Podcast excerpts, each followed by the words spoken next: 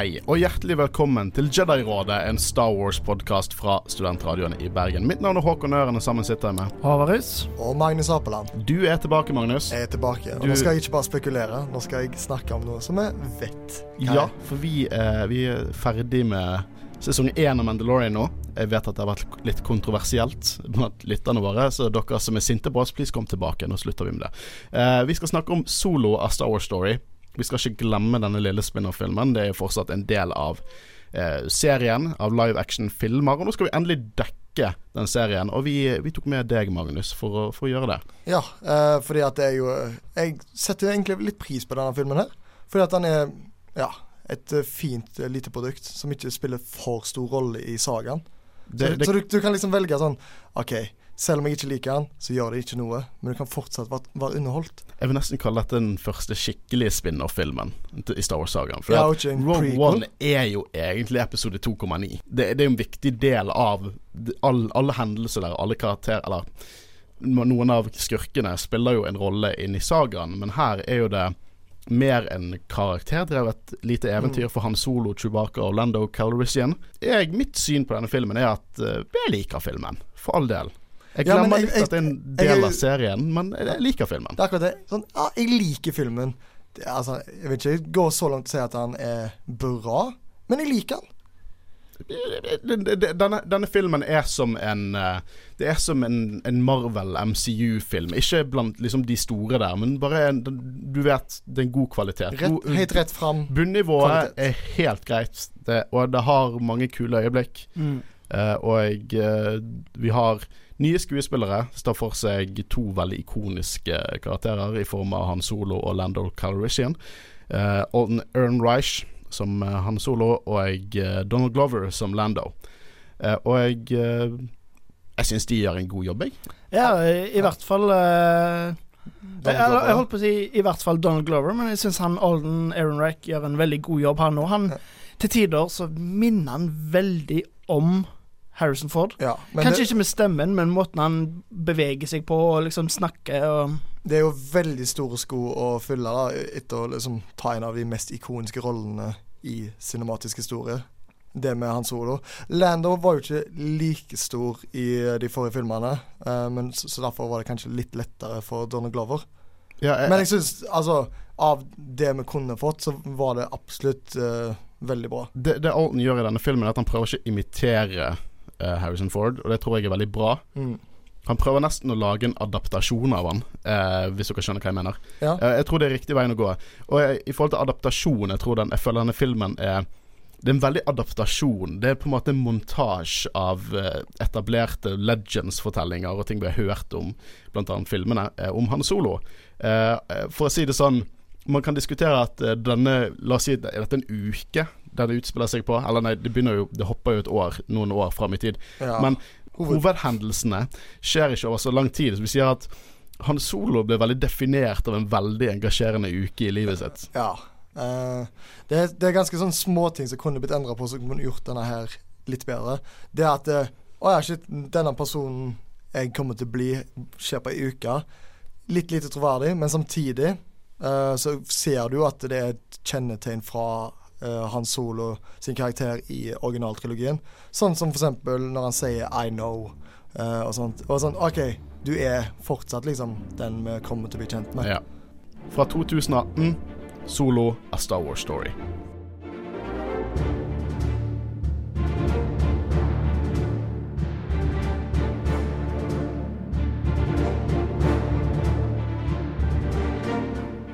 Jeg vil bare advare om at dette er jo faktisk en spoilerpodkast, så hvis du ikke har sett filmen, så er det ikke så lurt å høre på. Just did the spoilers in 12 parsecs. Smooth.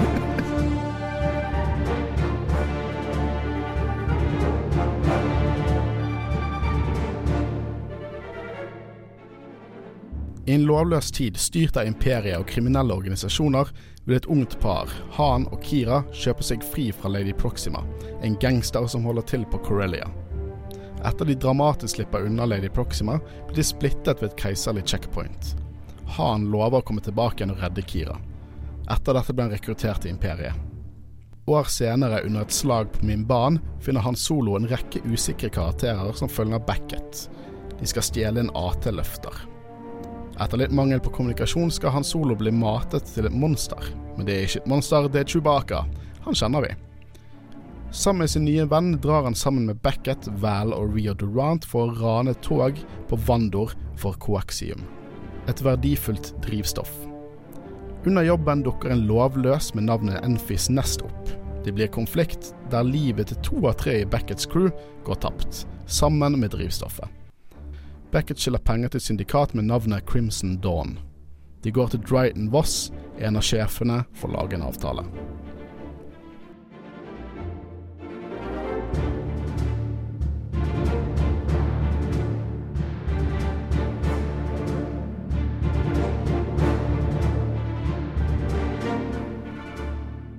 Solo A Star Wars Story. Eh, det er jo satt 13 til 10 år før A New Hope. Så eh, hva er midten av keiserlig peak i galaksen? Eh, vi kan snakke litt om bare hvordan dette filmuniverset er satt opp akkurat lokalt i denne filmen. da. Eh, jeg, eh, jeg, liker eh, Jeg vet ikke helt hva dere synes om introen der. For det, denne filmen har ikke en, en crawl klassisk Star Wars crawl. Den begynner med In the Galaxy Far Far Away, og så bare fortsetter den med blåskrift. Forteller at det er en lovløs tid, keiserriket regjerer, store kriminelle organisasjoner styrer liksom alt fra drivstoff til, til slavearbeid og hele pakken. Og jeg, uh, Lady Proxima styr, liksom har på en måte tar opp barn fra gaten og styrer en kriminell organisasjon på planeten Corellia. Jeg savna litt det de gjorde i Rogue One. Jeg følte at de bygde opp en sånn spin-off-stil med Long Time Ago in Galaxy Far Far Away, og så bare rett inn i det. De gjorde det samme i Battlefront 2-kampanjen, og jeg synes det vokste litt på meg. Mm. Ja, jeg likte det veldig godt i Rogue One, og jeg føler på en måte at vi trenger kanskje ikke å vite det de skriver i solo. Du trengte mer å vite det i Rogue One, for å si det sånn. Ja, ja men du vet allikevel hvor Rogue One er. Du vet det er satt før A New Hope, mens kanskje det er litt viktigere å få det egentlig litt sånn uh, i teskje. Bare sånn OK, det er akkurat her vi er nå. Det, det, er ikke liksom like ustabilt som kanskje det er i New Hope, og ikke liksom for nytt som det var i Revenge. Mm. Så jeg føler at det, da plasserer de filmen uh, på en god måte, og ikke bare sånn der en ah, det er 10-13 år uh, før ja. A New Hope. Det, er i hvert fall veldig casual-vennlig, sånn ja. at folk ja. ikke liksom bare vet, ikke Han Solo død? Eller ja, det var jo en kritikk til uh, Rogue One, at folk ikke Eller de flere, mange ikke helt skjønte hvor det var satt.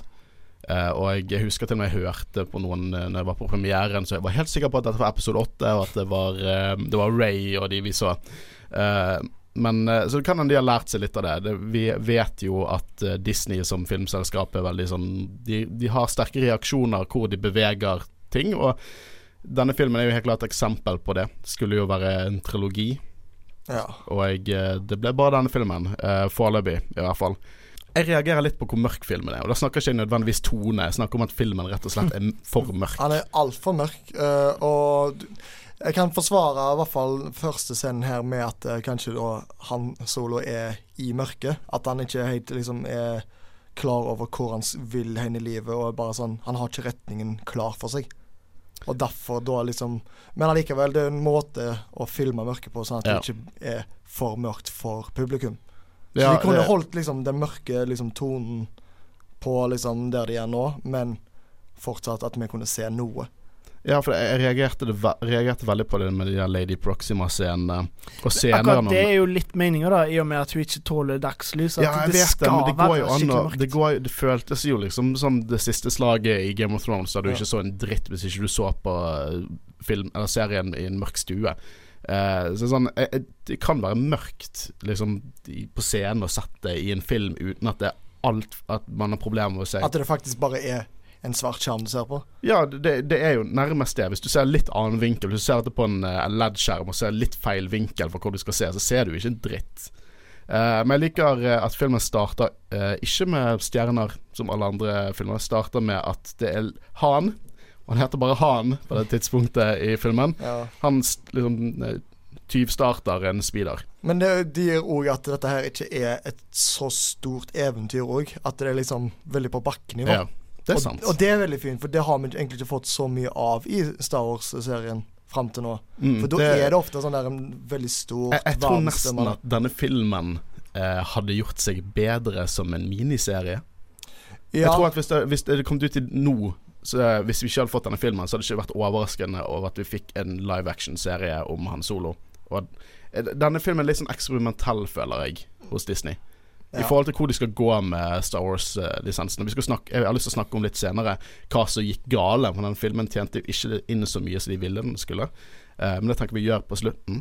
Um, jeg liker veldig godt at vi ser Corellia. For det Corellia er en planet som er på en måte veldig kjent innenfor canon. Og vi, første gang vi hørte om eh, Corellia, var jo i New Hope. Eh, og nå får vi endelig se det. Og det er på en måte Jeg tror ikke dette nødvendigvis er en planet som bare har fullt av fattigdom og jævlighet på seg. Jeg tror det er veldig naturlig storby, nesten. For det er jo en stor sånn shipyard. Vi ser til og med Star Destroyer som er bygget, som er veldig kult å men se. Men vi ser jo òg da miljøet som Han Solo da vanker i, som er slummen. Ja. At, men det er ikke definisjonen på denne planeten. Nei, det er jo en kjerneplanet. Ja. Uh, men jeg jeg liker òg at eh, han føles ikke for mye ut som noe vi har sett før i Ja, live er action-filmer. veldig sånn For det, at er kan være enkelt å på en måte falle ned i fæle som er sånn Å, det er ny Corsant. Men Nei, jeg nei, tenkte at aldri det var er det. Core, sant? At han, Ja. Å ja, det, i en galakse som tanken falt aldri inn, egentlig, at det kunne være det. Nei, men at uh, de som filmskapere kunne tenkt sånn Hæ, hvor skal vi plassere han? Nei, nei, han vokste selvfølgelig opp på Corsant. Ja. Men at det da gir dette universet her litt mer sånn dybde. At det ikke er sånn Det er ikke bare de samme folkene, samme plassene, nesten de samme hendelsene som skjer, men at vi da får et større univers, rett og slett. Selv om Ja. det er en karakter som er Det, det er hendelser med. i denne filmen som gjør at jeg tenker det motsatte. Men Ja, ja. Jeg, jeg skjønner hva du går Men inn på der. akkurat eh, Settingen, starten liksom. starten her gjør det. Eh, og det denne filmen gjør også, er at den fokuserer mer på disse terningene som var stort fokus i uh, Last Hva Jedi. skal vi med deg? Det er en, de er bare en prop som hang i uh, A New Hope. Jeg vet det, de var det, men jeg kan ha likte hva de gjorde med det i Last Jedi. Selv om eh, Selv om det liksom ikke har vært noe fokus på det si Det har aldri vært noe fokus på det. Aldri, det, Nei, nei, det, det er bare hang i sånn bakgrunnen. av Ryan Johnson Hope. Fant ut Å ja, vent litt. Det er terningene kule. Ja, men hva det er. symboliserte, synes jeg var helt uh, greit. Det skulle på en måte være noe moment, uh, memento fra Han Solo, som igjen var viktig for resten av familien hans. Men, eh, og det er jo ikke så stort fokus på det i denne filmen. Det er mer bare det at men eh, hvorfor henger han de opp på en bil som han akkurat har stjålet? Han vet at han ikke kommer til å øh, holde på han. ja, det er, det- Kanskje det er en sånn lucky charm. Det, vet du hva, det kan godt være. Ja, eh, og jeg de, De på en måte blir brukt litt i denne filmen. Det er ikke sinnssykt stort, da men det gir de til Kira senere i første akt, og så får han de tilbake igjen. Og denne film Det er liksom Ja, det, det liker jeg faktisk. For da er det sånn der OK, dette kommer fra familien min. Jeg gir det til deg, sånn at jeg Jeg må nesten finne deg igjen. For Ja, å få tilbake tegningene mine. de få tilbake de kule tegningene mine. uh, men ja, jeg syns eh, det er helt klart en reaksjon på kanskje gjøre det litt mer impactfullt i i Last Jedi, da at denne filmen går inn på det. Faktisk, når jeg så eh, den eh, Star Wars-sagaen med, med kjæresten min, så så vi denne etter vi hadde sett originaltrilogien. Eh, for hun var ikke så stor fan av Han Solo som karakter. Han var en drittsekk. Han er en drittsekk, men han er en lovable drittsekk. Eh, og så så hun denne filmen, som gjorde at hun plutselig ble mer glad i karakteren, og så kommer impactet i episode syv, når han dør. Eh, for den, som sagt, denne filmen har ikke så stor rolle innenfor liksom sagaen. Det er mer bare for Det er karakterdrevent, er karakter, ja. men ikke sagadreven. Det er det. Eh, og jeg eh, eh, Nå har vi på en måte hoppet litt fram med, med setting og sånn, med musikk. For denne, denne filmen er jo eh, komposert av John Powell. Og én sang fra John Williams. Så det syns jeg iron, nei, ironisk her, er jo det at den mest originale eh, sound, eh, soundtracket i denne filmen er laget av John Williams. Alt det annet er på en måte vel, prøver veldig hardt å være Star Wars-remix. remix. at det fortsatt ikke er Star Wars. Ja, men det, han er for eksempel han er, han er klar over det. John Powell er helt klar over Men det. de, sånn var det jo i Rogue One òg. Det sånn Ja, men allikevel syns jeg det, det, det var mye mer diskré der, syns jeg. De, de hadde på en måte de themesene som dukket inn eh, når de besøkte Javen 4. Og Da hadde de på en måte kanskje fem sekunder fra liksom du, du, du, Men det hadde vel òg vært litt rart hvis en Star Wars-film ikke hadde hørt ut som en Star Wars-film, som er noe av det mest ikoniske det, i Star Wars. nå, nå har jo ikke du sett Mandalorian, skal, skal ikke gå inn på noe med plottet der, men musikken eh, fra Ludvig Göransson er så annerledes fra Star Wars. Men det funker så godt, og nå plutselig er det Star Wars for meg. Men jeg føler liksom at uh, Det føles på en måte ut som Star Wars, men allikevel er det veldig forgettable, på en måte. Ja, det syns jeg òg. Litt som en Marvel-film. Jeg kan ikke minne en en eneste sang fra Han Solo-filmen. Eh, jeg kan nynne de som er klassisk musikk fra originaltrilogien. Ja, det de har det brukt fra jeg, vet, jeg vet det, men jeg, han har en track der som heter Reminiscence Therapy. Så han er helt klar over at dette her er nostalgidrevet, og han, er, Ja, ja. han lager en Star Wars-film, rett og slett. Men han gjør, han gjør en god jobb for all del. Jeg, bare, jeg var litt mer fan av Michael Giacchino sitt uh, score til Rogue One. Det, Ja, det er flere flere tracks der som er originale, som virkelig sitter fast hos meg. Um, jeg har lyst, lyst å snakke om eh, liksom denne kriminelle underverdenen her. Da. Vi får liksom, han løper inn i en tunnel, og du ser eh, at folk spiller sabak i bakgrunnen. til barna som helt klart forklarer hvorfor han er så flink i sabak. Men Lady Proxima For jeg har en oh, ja. teori om Men, men vet du hva? Det, for det la ikke jeg merke til at eh, de spilte sabak. Oh, ja. Men det, men det at det bare er sånn rett i bakgrunnen, gjør at uh, da så bakscenen kanskje Ja, ja, det gir mening at man kan sabak, man liksom. kan. Eh, men Lady Proxima Jeg er så sikker på at Lady Proxima er en eh, del av det gamle skriptet til uh, Han Solo-filmen. For det er jo som sagt litt, Ja. litt dramatikk bak produksjonen her. Det er Ron Howard som regisserer, med Castons som skriver, men det var jo Lorton Miller uh, som egentlig lagde denne filmen, og de fikk uh, fyken, og så måtte de spille 90% av filmen på nytt igjen. Så så å si en helt annen film. Uh, um, om det er bra eller dårlig, det vet vi ikke. Vi har jo ikke sett det andre. Det er veldig enkelt å være etterpåklok og si 'Å, det er så bra de fikk sparken'. 'Å nei, jeg har lyst til å se deres versjon'. Nei, fordi jeg vet, vet ikke om jeg ville sett deres versjon, for jeg, jeg tror ikke Disney egentlig visste hva de gikk til når de gikk for Nei, det tror ikke jeg heller. Det var rykter eh, Det var jo skuespillerne som kom og var bekymret. Sånn at de, de begynte bare å spille inn en gang når eh, Alton og Jonas, som spiller eh, Chewbacca, begynte å ha en snøballkrig. Og så begynte de å spille inn, for de hadde lyst til å ha det med i filmen. Altså, de sa Det var rykter om at det virket mer som en Ace Ventura-film enn det gjør Star Wars. Og eh, Lord Mye, Miller mye impro. Ja. Veldig mye vekk fra manus, som da kunne fått Og de er dritflinke. For eksempel eh, Into the Spider-Verse. Holy shit, for en film. Ja. Det er bare ikke Star Wars. Eh, det er to forskjellige beist. Eh, men Lady Proxima, jeg er så overbevist over at dette her er en del av Lord Miller sin originalgreie. For det virker så improv. Sånn hvordan han tar opp den steinen og later som det er en thermal detonator.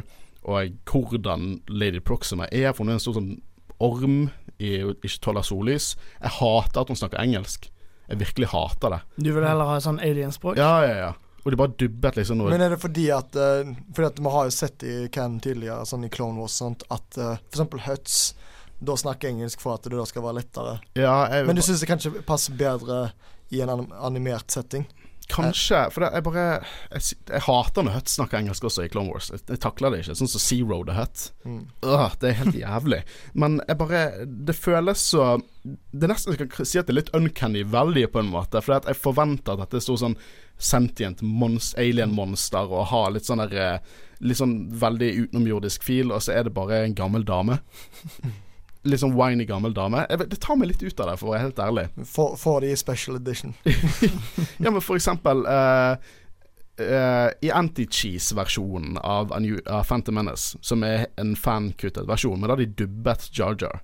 Og filmen plutselig bare mye mer Eller han blir mye mer tolerabel plutselig, fordi at han snakker et alienspråk. Det, det er en cheese-faktor der, syns jeg, og jeg, jeg vet ikke helt jeg, Det er ikke sånn at jeg skal henge meg for mye opp på dette her, men bare første gang jeg så filmen, så ble jeg litt sånn Litt sånn shaky når jeg så det. Jeg jeg var litt sånn oh, Er det en sånn film dette kommer til å bli? Og første akt inneholder jo mer sånne ting. eh, eh, for begynner, vi får en, en eh, speedo chase av uh, koaksiumet som Han Solo har stjålet. Og eh, jeg må si at jeg digger masse av praktiske effektene. Spesielt med speederne. Og jeg digger chasen i seg sjøl òg. Ja da, og det er på en vei også, som er litt Ja. kult. Eh, Igjen, det er down to earth. ja, bokstavelig talt. Og det er mye, mye gøy humor her som er kjempecheesy på en god måte. Sånn som den droiden, den Imperial droiden, Ja. som løper ut og sier at dette her er imot uh, regler, og så faller hodet av, og så fortsetter han å snakke. Uh, eller når han der uh, patrol trooperen eh, kjører etter, og så flyger han vekk. Eh, og hønene, de der uh, Corellian Hounds, tror jeg, som er bare hunder med kostyme på. og det merker man, de er liksom så til stede. Eh, men det jeg liker veldig godt med første akt. Eh, det begynner nå med når vi får se alt dette med hvordan keiserriket er involvert, for de kommer til et checkpoint. Eh, og jeg, jeg liker når keiserriket føles skummelt ut. Vi ser alle disse familiene og hvor skumle Stormtroopers egentlig kan være. At det ikke er bare laughing stock. Ja. Men jeg føler dette her er kanskje det som uh, den opening crawlen på en måte er her. Altså Solo sin opening crawl. At uh, imperiet er på topp her, og det merker du med liksom denne utgangen her. Ja, og eh, Du mangler presence. det du her, sier liksom. om Down to Earth, føler jeg skinner veldig her. Ja. Du ser liksom dette her fra redde unge Han Solo sitt Eller han, sorry. Han er ikke solo ennå. Eh, Jo, han det sitt syn. han. Ja, han er solo, bokstavelig talt. Åh, jeg hater dette.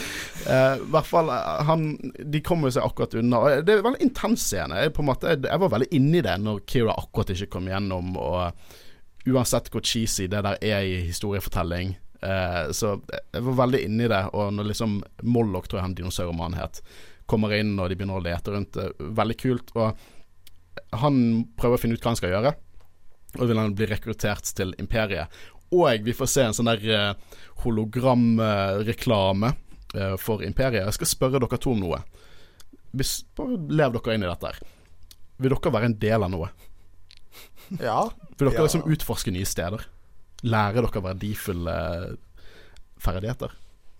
Altså, det er jo gode selgepunkter han kommer med her. Imperiet er jo the good guys. Ja, jeg liker Kjempegøy. skikkelig godt den scenen, fordi uh, de spiller Empire March, Imperial men i March, dur. ja. så den høres glad ut, og det, det minner liksom om sånn propaganda fra andre verdenskrig, der liksom Ja, det, det er Åh, liker det skikkelig godt. Ja, jeg, jeg Og fin bruk av tidligere musikk òg. Og det er Men- canon. Em, så Empire March, March er canon. det kan ja. Men det ble også vist i Rebels. De ble spilt på en bar. Jeg likte ikke like mye der som jeg gjør det her.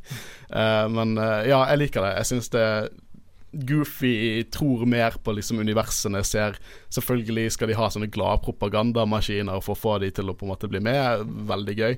Uh, og jeg liker alt dette med disse keiserlige offiserene. Og de på en måte sånn typisk sånn hater jobben sin. Jeg har lyst til å se en In Universe The Office-versjon av liksom keiserlige paper pushers. Eh, det har jeg lyst til å se.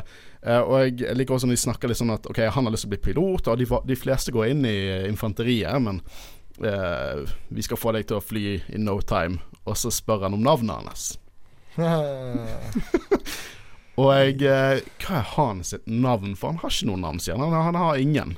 Så Så Ha- Han Alone vet dere at uh, the supreme leader of the first order heter Ben Solo, eller Kylo Ren Ben Solo. Hvorfor heter han Ben Solo? For det er faren hans var alene på et tidspunkt. Vet du hva, det er nesten sånn Dette er nesten litt modig av de, ass.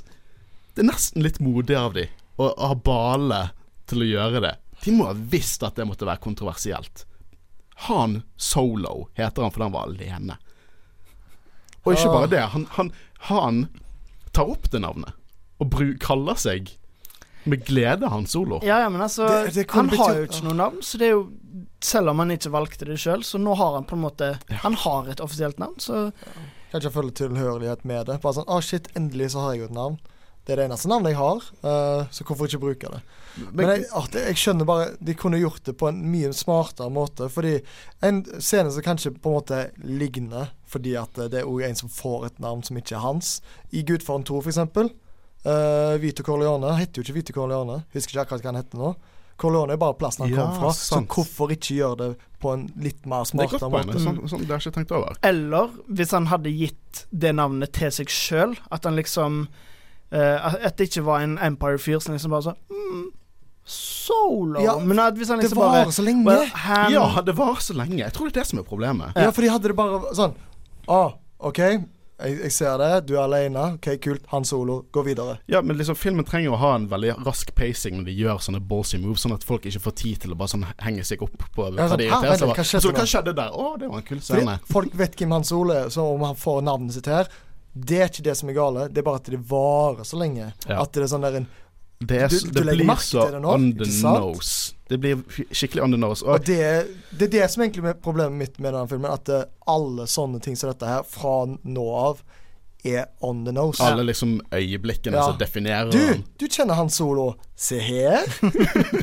ja. oh. uh, jeg, eh, jeg, dette ødelegger ikke filmen for min, for min del. Nei, nei, nei. Uh, jeg, jeg, eh, jeg tror man må lære seg å ikke henge seg fast til øyeblikker som man ikke synes er optimale, spesielt når man er Star Wars-fan. Jeg tror at Star Wars-fans er mer kritisk til det de får, igjen fordi at vi har fire generasjoner med fans. Alle har opplevd eh, Star Wars fra et annet sted.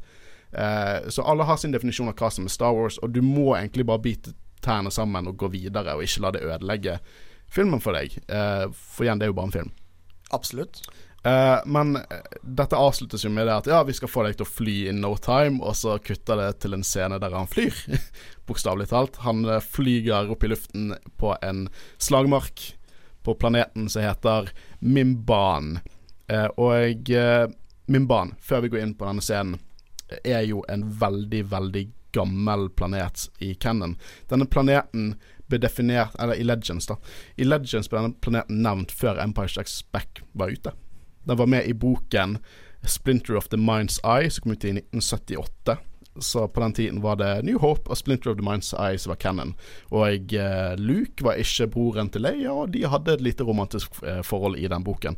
Så eh, det er en gammel, gammel referanse til noe absurd som ikke engang er Legends nå. Det er bare før alt dette ble et skikkelig stort univers. Og det ble nevnt i første episode, tror jeg, av Clone Wars. Da sier de at klonetroppene på min barn De må tette sealsene sine, for de må ikke få gjørmen til å komme inn. Så min barn er en old school-planet, og eh, det er også igjen mye denne filmen gjør. Den lener seg veldig på referanser, så faller litt tilbake til det du sier. Ja, men eh, akkurat sånne typer referanser går jo fint. Ja, det syns jeg. Uh, ikke direkte refererer til et tidligere Legend-verk, men at de bare tar Dette er elementer i Legend som vi setter pris på.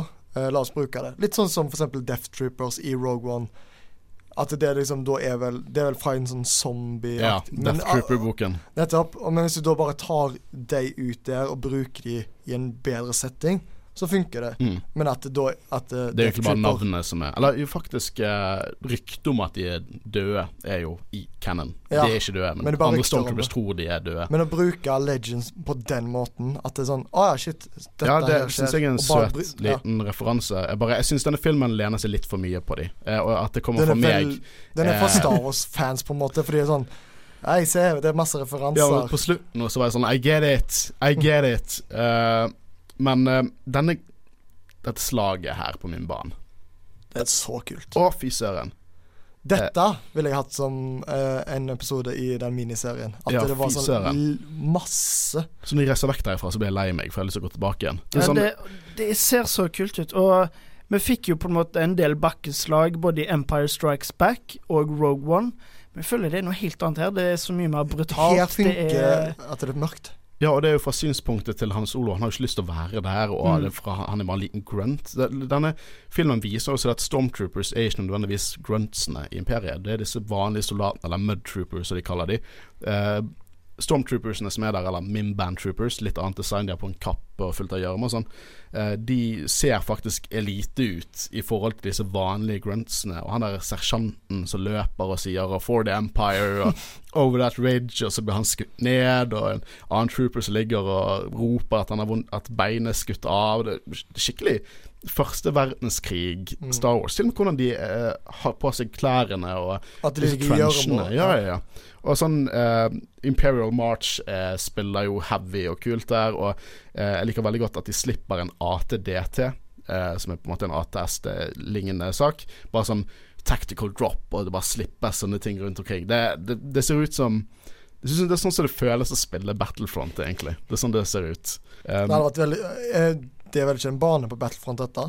Nei, jeg hadde ønsket det var det. Holy oh. shit, jeg ønsket det var det. Oh. Nå får vi første, første blikk av Tobias Beckett. For er han solo ser i, i, horisonten at det står en badass gunslinger som hver gang han skyter, så spinner han blasterne sine, og det er jo Tobias Beckett spilt av uh, Woody Harrelson, og han er jo med sitt crew, som er Rio Durant, spilt av John Favreau. Og Val spilte Thandy Newton. Og jeg liker Hæ? Godt. Ja. Er det John Favreau? Ja, ja. Hva faen? Hvordan har jeg ikke hørt det? Jeg vet ikke, Han har ganske ikonisk stemme, da. Skuespill, da. Mm. Wow. og det er morsomt, for i Mandalorian så ser vi den rasen igjen. Det, Sorry. vi, ser den rasende igjen i bakgrunnen et sted der det praktisk, eh, en praktisk sånn blink and you miss it eh, av den eh, Ardenian. Eh, det ingen andre spoilers for Mandalorian, jeg skal etter meg. Eh, men hva syns du om dette crewet? Eh, jeg liker crewet.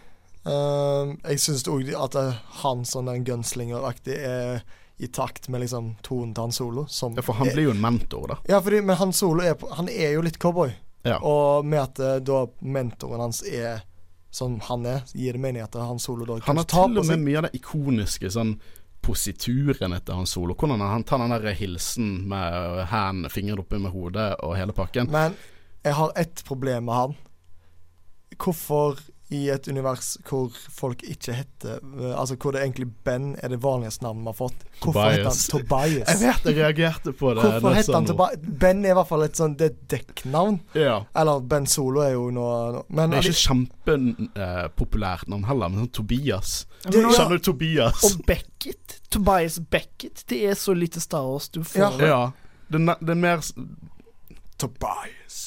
Nei, å, jeg, jeg, jeg liker ikke det, Karakteren er kul, men jeg skjønner ikke hvorfor navnet skal være sånn. skulle hete Toby.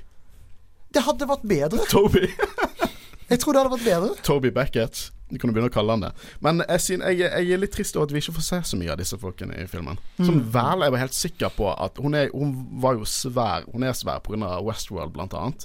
Hun er så vidt med i filmen, syns jeg. Ja, det er et av mine problemer med denne filmen, og nå går vi jo litt fram, men de Altså, de to andre, bortsett fra Woody Harrison, eller Tobias Beckett, de dør jo ganske tidlig, og, Mm. men rekker liksom ikke å bli kjent med De rekker ikke å få det noe sånn emosjonelt bånd til dem. De bare ja, det er sånn de dør, og sånn Å ja, nå skal jeg egentlig bry meg, men jeg gjør det ikke. Ja, Mm. det, Jeg setter pris på at de dør, at de er expendables, ja. men gjør det litt seinere. Men de er jo ikke expendables, i hvert fall ikke for Beckett. Og Beckett er liksom sånn plutselig Nei, men de føles ut som expendables fordi vi ja, ja. ikke har blitt jeg bare, jeg bare føler ikke handlingene sitter så fast inne noen gjør det, eh, på man, Han Solo definerer seg, men det er bare Det er på en måte Det, det føles litt som det var Jeg vet ikke, jeg har litt problemer med å definere det, men jeg bare Jeg føler at sånn impaktet og at de dør er litt sånn De blir litt glemt av karakterene veldig fort. Ja.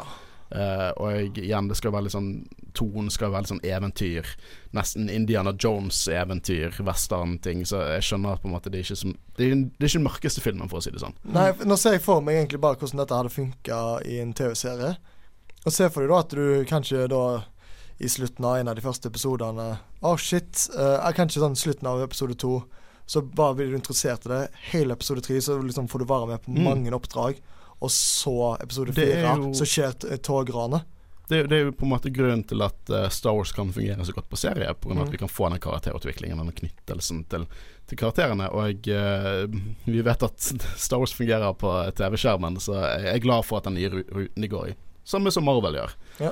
Um, nå er det Jeg har en liten sånn historie her. For at eh, det er denne filmen den, den på en måte gir en prequel til en veldig kjent Stormtrooper-historie. For etter slaget så, så, så hører vi en trooper si at uh, T-15s er nede, og kanskje de må begynne å gå herifra.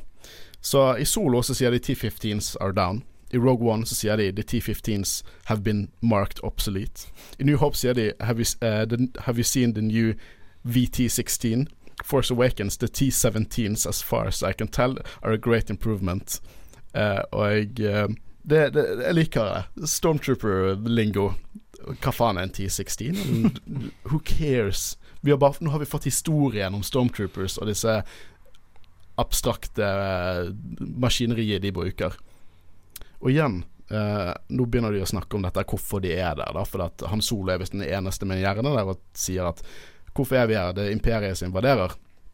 Men eh, de, denne offiseren sier at imperiet invaderer min barn for å bringe fred og orden til galaksen i navnet til keiseren. Sant? De er good guys. Men så sier òg Solo um, Well, it's their planet. We're the hostiles. Så er de virkelig good Men guys? de er jo Minner ikke dette fred litt om et annet imperium som eh, liksom gikk så bra. invaderte andre land? Som uh, Det òg. Så Romerike de gjorde de bringte fred og orden og Hvor lenge varte det, det, da? Du tenker på krig, du. Et par De hundre år, men så Hæ? Er Romerike i dag? her? Nei, De klarte ikke å holde det. uh, ok, så Imperiet virker litt, ser litt bad guys ut i denne filmen. Jeg må nesten innrømme det. Men De ser good guys hvis du skal da. lage en omelett, så må du knuse et par egg. Am I right? Well, you're not Så de wrong. er Nimbenians, er det det heter? De er et par egg, de, altså. Ja. Eh, men jeg liker eh, den scenen når alle troopersene går for å angripe, men han Solo er den eneste som går eh, motsatt vei. Det, det er blitt et veldig ikonisk bilde å representere han Solo egentlig ganske godt. Som den eneste personen jeg tar orden fra, det er meg. Og han prøver jo, han finner jo ut eh, fra at Beckett og de ikke er de, de tro, han tror de er. De har stjålet noen uniformer, de var ikke keiserlige, og de er for Ja, men jeg, jeg syns òg at uh, måten de viser at det sånn Å ja, dere er ikke det de er. At han, de har hull i seg. Ja. Men at uh, Som er jo veldig rart, fordi Hvorfor funker ikke rustningene i Star Wars? Hva er, altså, de er jo bare i veien. De er bare i veien. Altså, ingen stormtroopers har sagt sånn Å ja, jeg ble skutt. Ja ja. Ja, vet du hva, de, de prøvde å forklare det at, eh, at ofte når Stormtroopers blir skutt, så absorberer rustningen eh, blastet, og så bare blir de slått ut. Ja, det er tull. Nei, det Dette er, dette er ikke Ja. Black Panther eller noe sånt. Nei, nei, nei. Eh, så nei, si det. Men det er jo egentlig et filmproblem generelt. Innrustninger fungerer, sånn som i 'Ringenes herre' to tårn. Og skyter de under armene med nakken. Det er der de er skadelige. Og så ser du en Ja, men Urukai har- som blir skutt midt i brystet, liksom. Så Jeg, jeg kjøper mer den som skyter under armene. Der er det ikke rustning. Fordi eh, det har de brukt Altså, det funker. Fordi du har ikke rustning overalt. Fordi da er du for stiv. Men jeg syns dette er ganske brutalt når du ser de der svihølene. For når folk blir skutt i Star Wars på rustning, så er det en regel som bare noen har tatt en kule med kritt Nei, med kull og kaste på dem. Du har liksom hatt svart merke, men her ser du at det er svidd gjennom og sånn. Det, det, det hinter til brutale ting her. Ja. Eh, de planlegger å stjele en sånn AT Hauler, løfter, eh, fordi at de skal, de skal gjøre noe. Og eh, Solo er ikke noen dumming, så han har skjønt uh, dealet. Da, og det ender jo egentlig med at han, han blir uh, kastet til uh, The Beast, og jeg liker når han sier sånn ja, Wait, there's a beast? Eh, Ja, fordi Beckett han har jo stjålet en sånn kapteinsuniform, så han Han Solo jeg tror jo at han skal klare å overtale de andre soldatene til at liksom Ja, men de er jo ikke ekte, og så bare Ja, han er en desertør, og så Så blir han kasta vekk. Eh, hva synes dere om introduksjonen til Chewbacca her? For det er jo selvfølgelig Chewbacca. Det er for store tilfeldigheter, føler jeg. Det, det var sånn det var i Eller i Legends så var jo han, Solo Han var eh, en Jeg tror han var offiser i Imperiet, og han reddet Chewbacca fra på en måte å bli solgt inn i slavehandel eh, av Imperiet. Her er litt annerledes. Han var en mudtrooper. Han eh, ble beskyldt for å desertere, og som han kastet til The Beast. Eh, og noe som jeg Ja. reagerer At de br- bruker Chewbacca sånn Ah, se, han er bare et udyr. Det er sånn Dere er vant til alienraser. Hvorfor Altså, bruk heller noe som faktisk da kan Ja, gjøre litt mer I. New Hope så sier jo de sånn herre eh, We're taking this thing. Eh, Imperiet er veldig De er ikke rasistiske mot mennesker, så på mange måter er de veldig gode, men de er ganske rasistiske mot aliens. Eh, det er en ting de, de er for. Og de har jo eh, drevet med slavehandel på Kashik siden slutten av klonekrigene. Ja. Jeg, men jeg, det hadde vært bedre hvis Chewbacca var en bit av uh, Beckett sitt crew. Syns du det? Ja.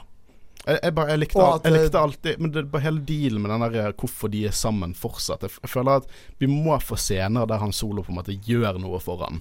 Ja, men det er akkurat derfor vi skulle ha brukt mer tid på dette crewet. Ja. At han da kanskje Ja, at Chewie var den han da Ja, ble mer knytta opp uh, mot.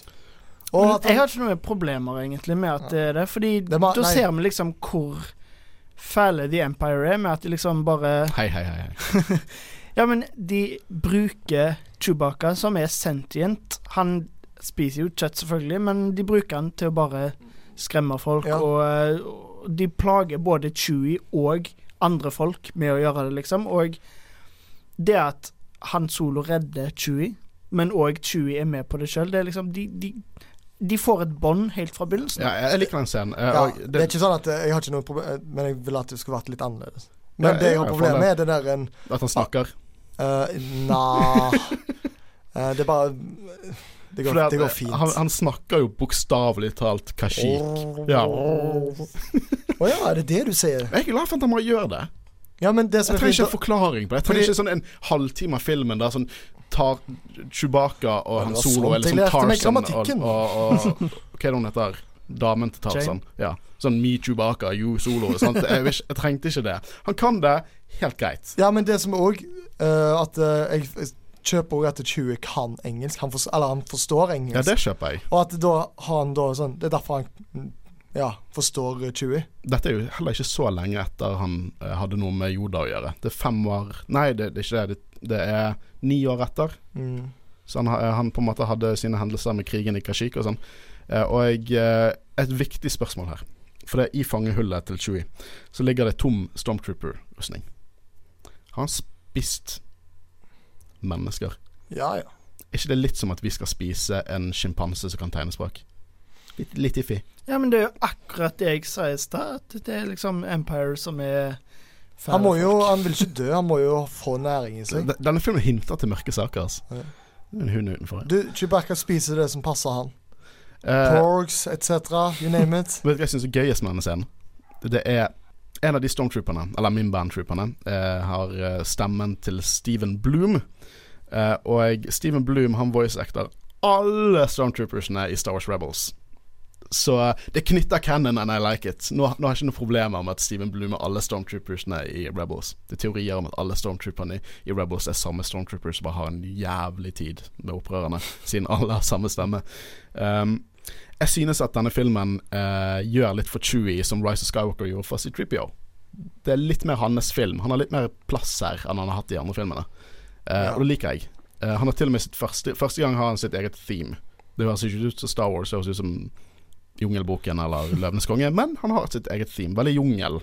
Ja, og, men altså, bare senere og i filmen så får, jo, får han et par øyeblikk.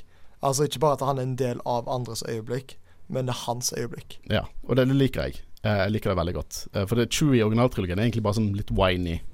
Han er litt whiny i bakgrunnen. En stor bamse. Han gjorde litt mer i Force Awakens. Han fikk noen badass øyeblikk, og her får han litt mer Gjorde han så mye i Force Awakens? Det ja, men, eh, Han hadde noen badass øyeblikk. han ble jo skada fordi Ja, men det er han, hylet hans som gjør at uh, han solodøden virkelig Ja. setter inn. Og der bare går han amok. Er Skyter han i røden sin. Det er på en måte ikke hans øyeblikk, da. Det er fortsatt hans solo sitt, men det, han er med på det. Nå snakker jeg bare om de følelsene jeg fikk når jeg så en Star Wars-film, Magnus. Okay. Men her, men dette her Her får han flere øyeblikk som det er, sant. Jeg, hans det, egne ja, ja, øyeblikk. absolutt. Hans soloøyeblikk. Uh, Christian skulle vært her nå. Han hadde, han hadde bare dødd. Uh, de uh, tar jo de med, og så drar de mot Vandor, for der de skal på, ha togheist. Og mitt viktigste spørsmål i forhold til sånn nitpicking av Cannon-shit Hva faen skal en 80-hauler med en hyperengine, eller hyperdrive? De må jo De kan ikke ha flydd liksom bokstavelig talt fra min bane til Vandor. Så det vil si at en AT-hauler som er laget for å flytte på AT-walkers, har en hyperdrive, og det Men er det ikke bedre at alle sånne skip har hyperdrive, så Hvorfor slipper de skal å en ta det om Fighter ikke ha en hyperdrive, men en AT-hauler som skal slippe ned ATs på, ka- eh, på The Battlefront uh, Den skal ha uh, Ja, det, Ja, men- feile prioriteringer. ja. At det Ja, men de tar så mye større plass enn TIE Fighter, så tenk om de har Skal bare fly har- en AT Ja, ja, gjennom Si de har hyperspace. 10 000 sånne AT Hollers på en planet. Skal alle om bord på Star Destroyers, eller skal de bare fly der sjøl? Hva er enklest? De s- burde jo være på Star Destroyer, de er jo svære. Uh, vi får se det toget, da. Liker veldig godt designet på toget. Uh, det Veldig sci-fi-tog. Det er sci-fi-tog. Og jeg, det- jeg syns det gir mening at det er tog der. Mm. Det, det er på en måte mer automatisk måte å flytte på, på Dette er jo Coaxium de skal eh, stjele, for det er verdt mye. Å, fy søren. At Christian ikke er med her. Det er jo en hel film drevet Plottet er drevet av drivstoff. Nå begynner jo vi å få flere små referanser. Vel nevner jo at de burde tatt med Bosk. Ja, men som er greit. Altså. Bosk er en av de største Ja, ja. barnetjenterne. At de han har kontakter med de fleste. Mm. Det går fint, selv om igjen det snevrer ned universet. Det, ja, ja, absolutt. Men Bosk er liksom en sånn Det er en sidekarakter. Nettopp. sa ingenting. Han, han growlet, og så hadde ikke han på seg sko, liksom. Det var, det var han. Eh, jeg vil også snakke litt om noe som, kunne, eh, som jeg har følt var litt kontroversielt, og kanskje det faller inn på det du mener at de bruker for lang tid på visse ikoniske quote øyeblikk. Når eh, de sier navnet til hverandre. Chewbacca, og du trenger et, et Du trenger karakterennavn, fordi kallenavn, det er jo ikke sånn som folk har kjennskap til. Ja, jeg, jeg vet, det, det, det er jeg litt enig der. At han bare hadde kalt han naturlig Chewie i løpet av filmen, hadde føltes mer naturlig. Mm. Ja, det er litt så rart å si ja, du må ha et kallenavn, for jeg gidder ikke å si det hele alle, alle gangene. Har dere noen gang sagt det til folk etter de har sagt navnet sitt? Du har et altfor langt navn! skal begynne å si det nå. Um, og nå er det på en måte de planlegger greier, og Han Solo får blasteren sin. Hei. Jeg har ikke så mye imot den sin. Hei. Jeg, jeg, gikk gjennom den, og den er kontroversiell, og jeg skjønner nå at du synes de bruker for mye tid på det. Men den, den scenen varer jo hva to sekunder han ser på den. pistol. Hei. Ja, men okay, Hvis det var hvilken som helst annen pistol, der. Det, det, problemet mitt er at uh, er jeg føler ikke at Han Solo har en tilknytning til en pistol. Hvorfor skal han ha en tilknytning til en pistol? Jeg føler ikke han er typen til å bry seg. Men han har brukt den helt til Han han, kan døde. kjøpe nye av den samme modellen. OK. Kanskje representerte han fikk den av Beckett, sant? mentoren sin. Ja, en drittsekk. Og det er jo en ikonisk pistol. Det er det, men det er Det er mer sånn der en, et fanøyeblikk enn Det er jo helt klart et fanøyeblikk. Jeg bare syns ikke de ligner for mye på scenen. Jeg syns det er helt greit, jeg, egentlig. jeg har ikke noe problem med på en måte tiden de bruker på det, men jeg bare føler at denne filmen har så mange av de fanøyeblikkene. Sånn som han har nevnt, at alt det som definerer Solo, han Solo, er med i denne filmen. Ja, eh, det jeg. Jeg, jeg har ikke nødvendigvis ekstremt stort problem med enkeltvis av disse scenene, men det blir på en måte dråper som tar opp et hav, Mm. eh, kinda. Eh, jeg vil også si en annen litt eh, kul detalj her, fordi at eh, de snakker litt om motivasjonene sine. Sånn, og Beckett sier at han har lyst til å dra tilbake til Gleon Sorm og spille The Valacord. Og Gleon Sorm det er planeten til en rase som heter eh, Nortolen. Kit Fisto, aka Colgate Smile fra Attack of the Clones, det er hans planet. Som er også en gøy liten referanse. Tror du Kit Fisto kan spille Valacord? Ja, det kan jo han. Sikkert pro. Med Så- det smilet. Har ikke lyst til å se han spille Valacord med det smilet sitt. Jeg vet ikke engang hva en Valacord er. Så. Ja, hva faen er en Valacord? Det er Tror du kan spille Jizz med, med Vellacord? Det skrives G, bare for dere som hører. Jizz er jo, ja, sjangeren som eh, Skrives med G? Ja. Nei, det skrives med J. Nei. Nei, for jeg tror det er en parodi på jazz.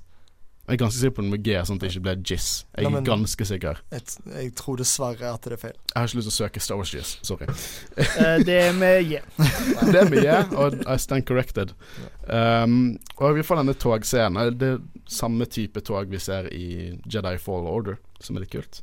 Uh, og vi ser uh, Star Wars har sånn Når folk på en måte ble skuffet av at vi ikke så de her Sith Trooperne så mye, så var jeg helt, jeg var helt OK med det. For det, Star Wars har en tendens til å, å på en måte markedsføre nye trooper-design, og så ser vi nesten ingenting. Det er jo det samme her med range troopers. Og de ser dritkule ut. De har på en måte sånn pels rundt seg, gullvisoer, magnetiske støvler. Kjempekule. Du ser de kanskje i fem sekunder.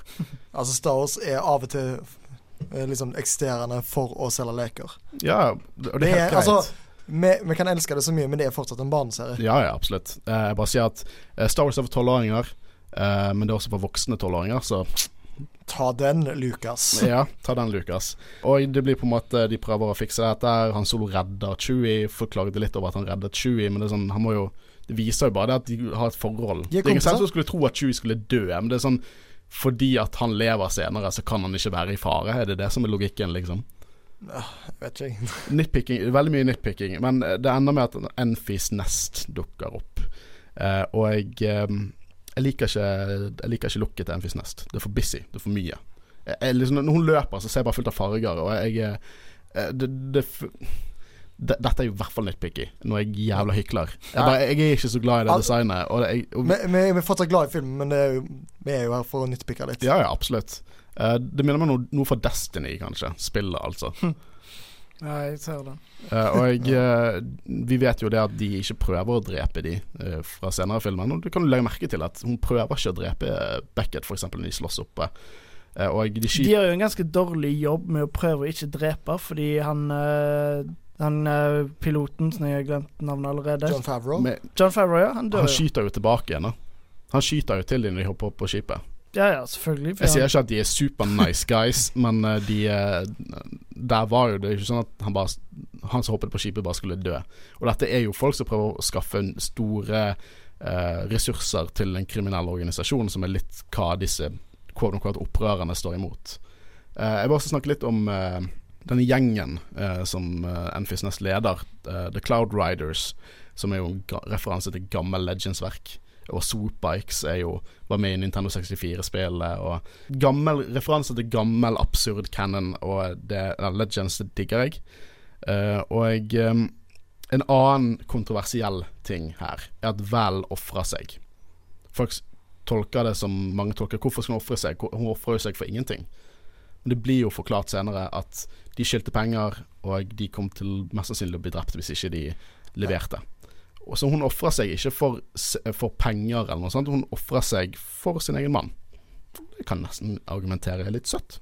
Kjærleik, hele pakken. Veldig trist. Eh, jeg liker ikke noe Rio Durantur. Eh, jeg har lyst til å se mer. Jeg har lyst til å se uh, sånn Cheers, spin-off der han styrer en kantine. Ikke for varmt, ikke for kaldt. Og der er en annen sånn referanse. Når han begynner å snakke om sånn Minoc roast, I don't like it. Vi, alle vet hva Minox er, så er det så fokus på det. It's crazy!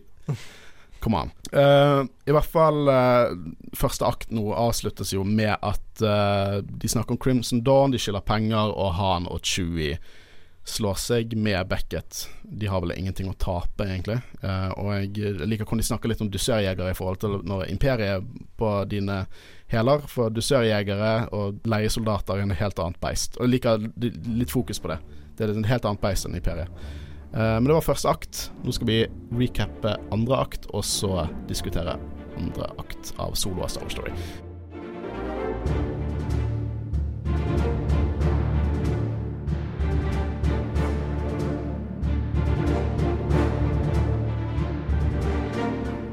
Etter en mislykket heist forklarer Beckett til Han at han blir ordret til å stjele koaksiumet av Dryton Voss for å tilbakebetale gjelden sin. Han, Beckett og Chewie reiser nå videre hvor Dryton Voss sin yacht er. Han møter igjen Kira. Han og Kira foreslår her en ny plan for å stjele koaksiumet fra Kessel. Nå trenger de bare et raskt skip å fly i. Kira introduserer Solo og teamet til Lando Calrissian. I en runde med Sabak utfordres Lando og Han til å satse skipet sitt som skal være det raskeste i galaksen. Tapende ut av runden klarer de likevel å overtale Lando til å bidra med skipet sitt, mot 25% av fortjenesten. På Kessel kommer teamet opp med en plan for å infiltrere basen og hvelvet hvor koaksiumet er gjemt. De klarer å komme seg unna med tolv beholdere av koaksium, og etter å ha kjempet seg om bord på Falcon igjen, flyr de av gårde. Han Solo klarer nå Kessel Run på 14 parsecs, øh, jeg mener 12.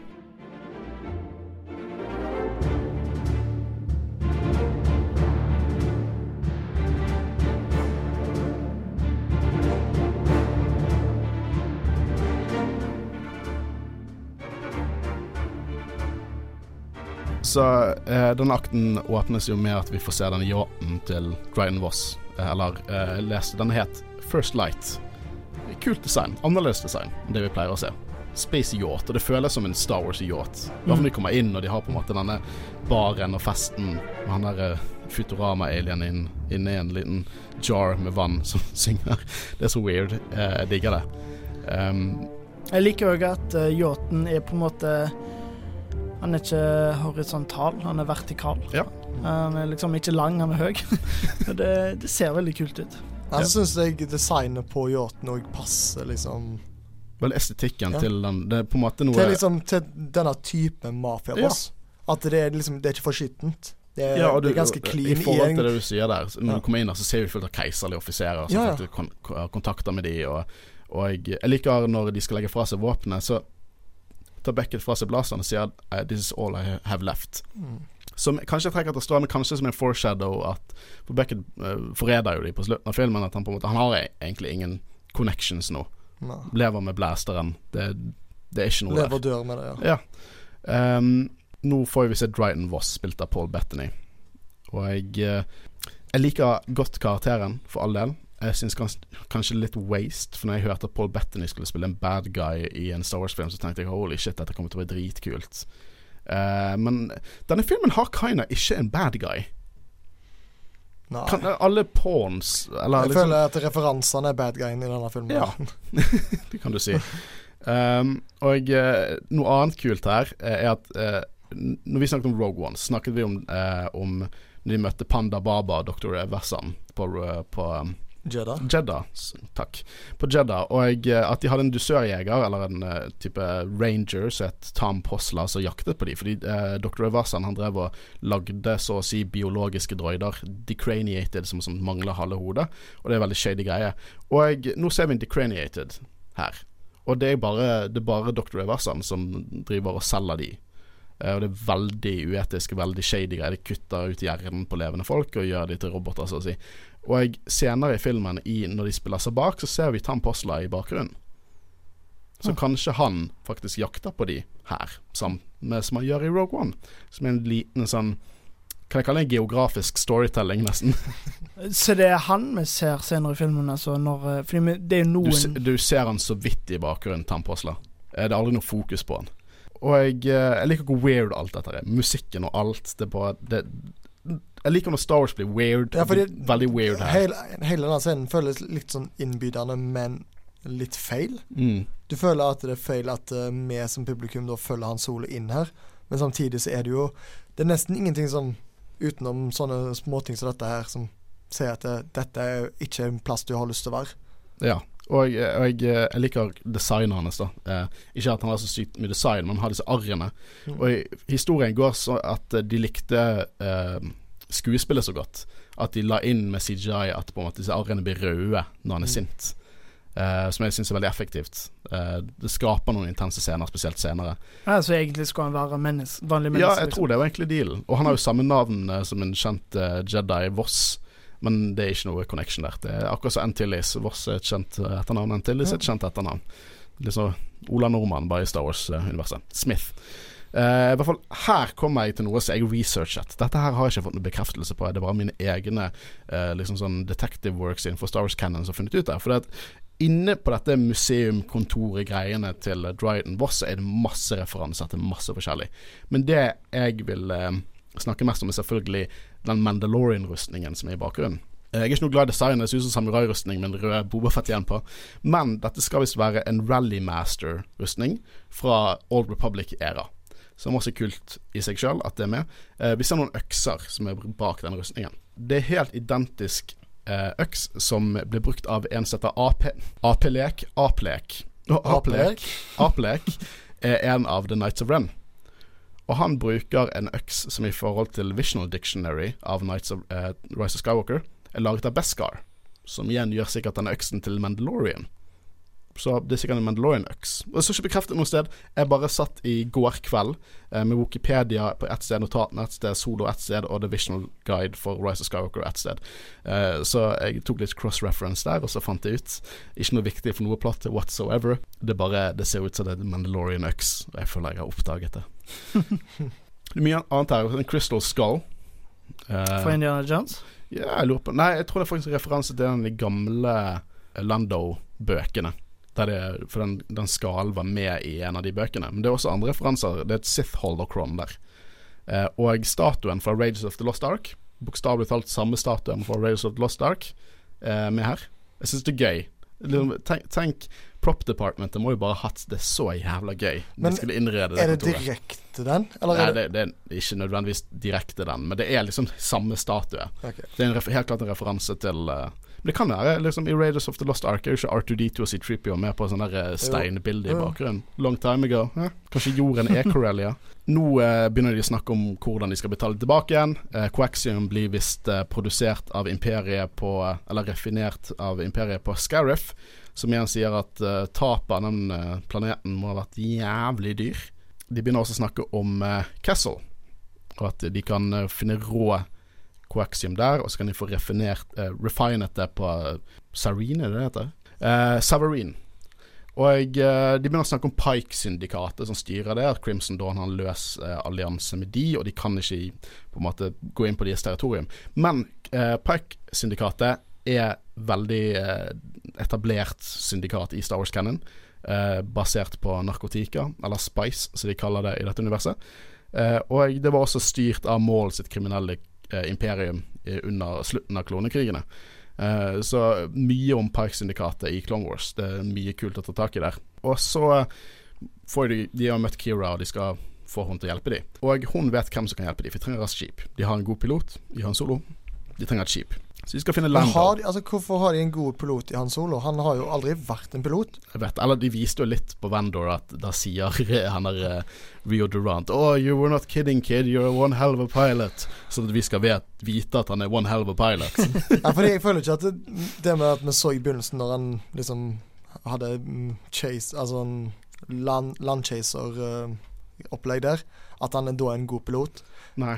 Det, det, det virker litt som de bare tar ordet hans for det. Ja, det er bare sånn Å ja, vent, du sier du er god pilot? Ja, men hvorfor teste det ut? Ja, ja, men liksom Det er litt sånn med- Hvis du har god selvtillit, så kan du få hvilken som helst jobb, jobb på denne planeten. Så lærer du det senere.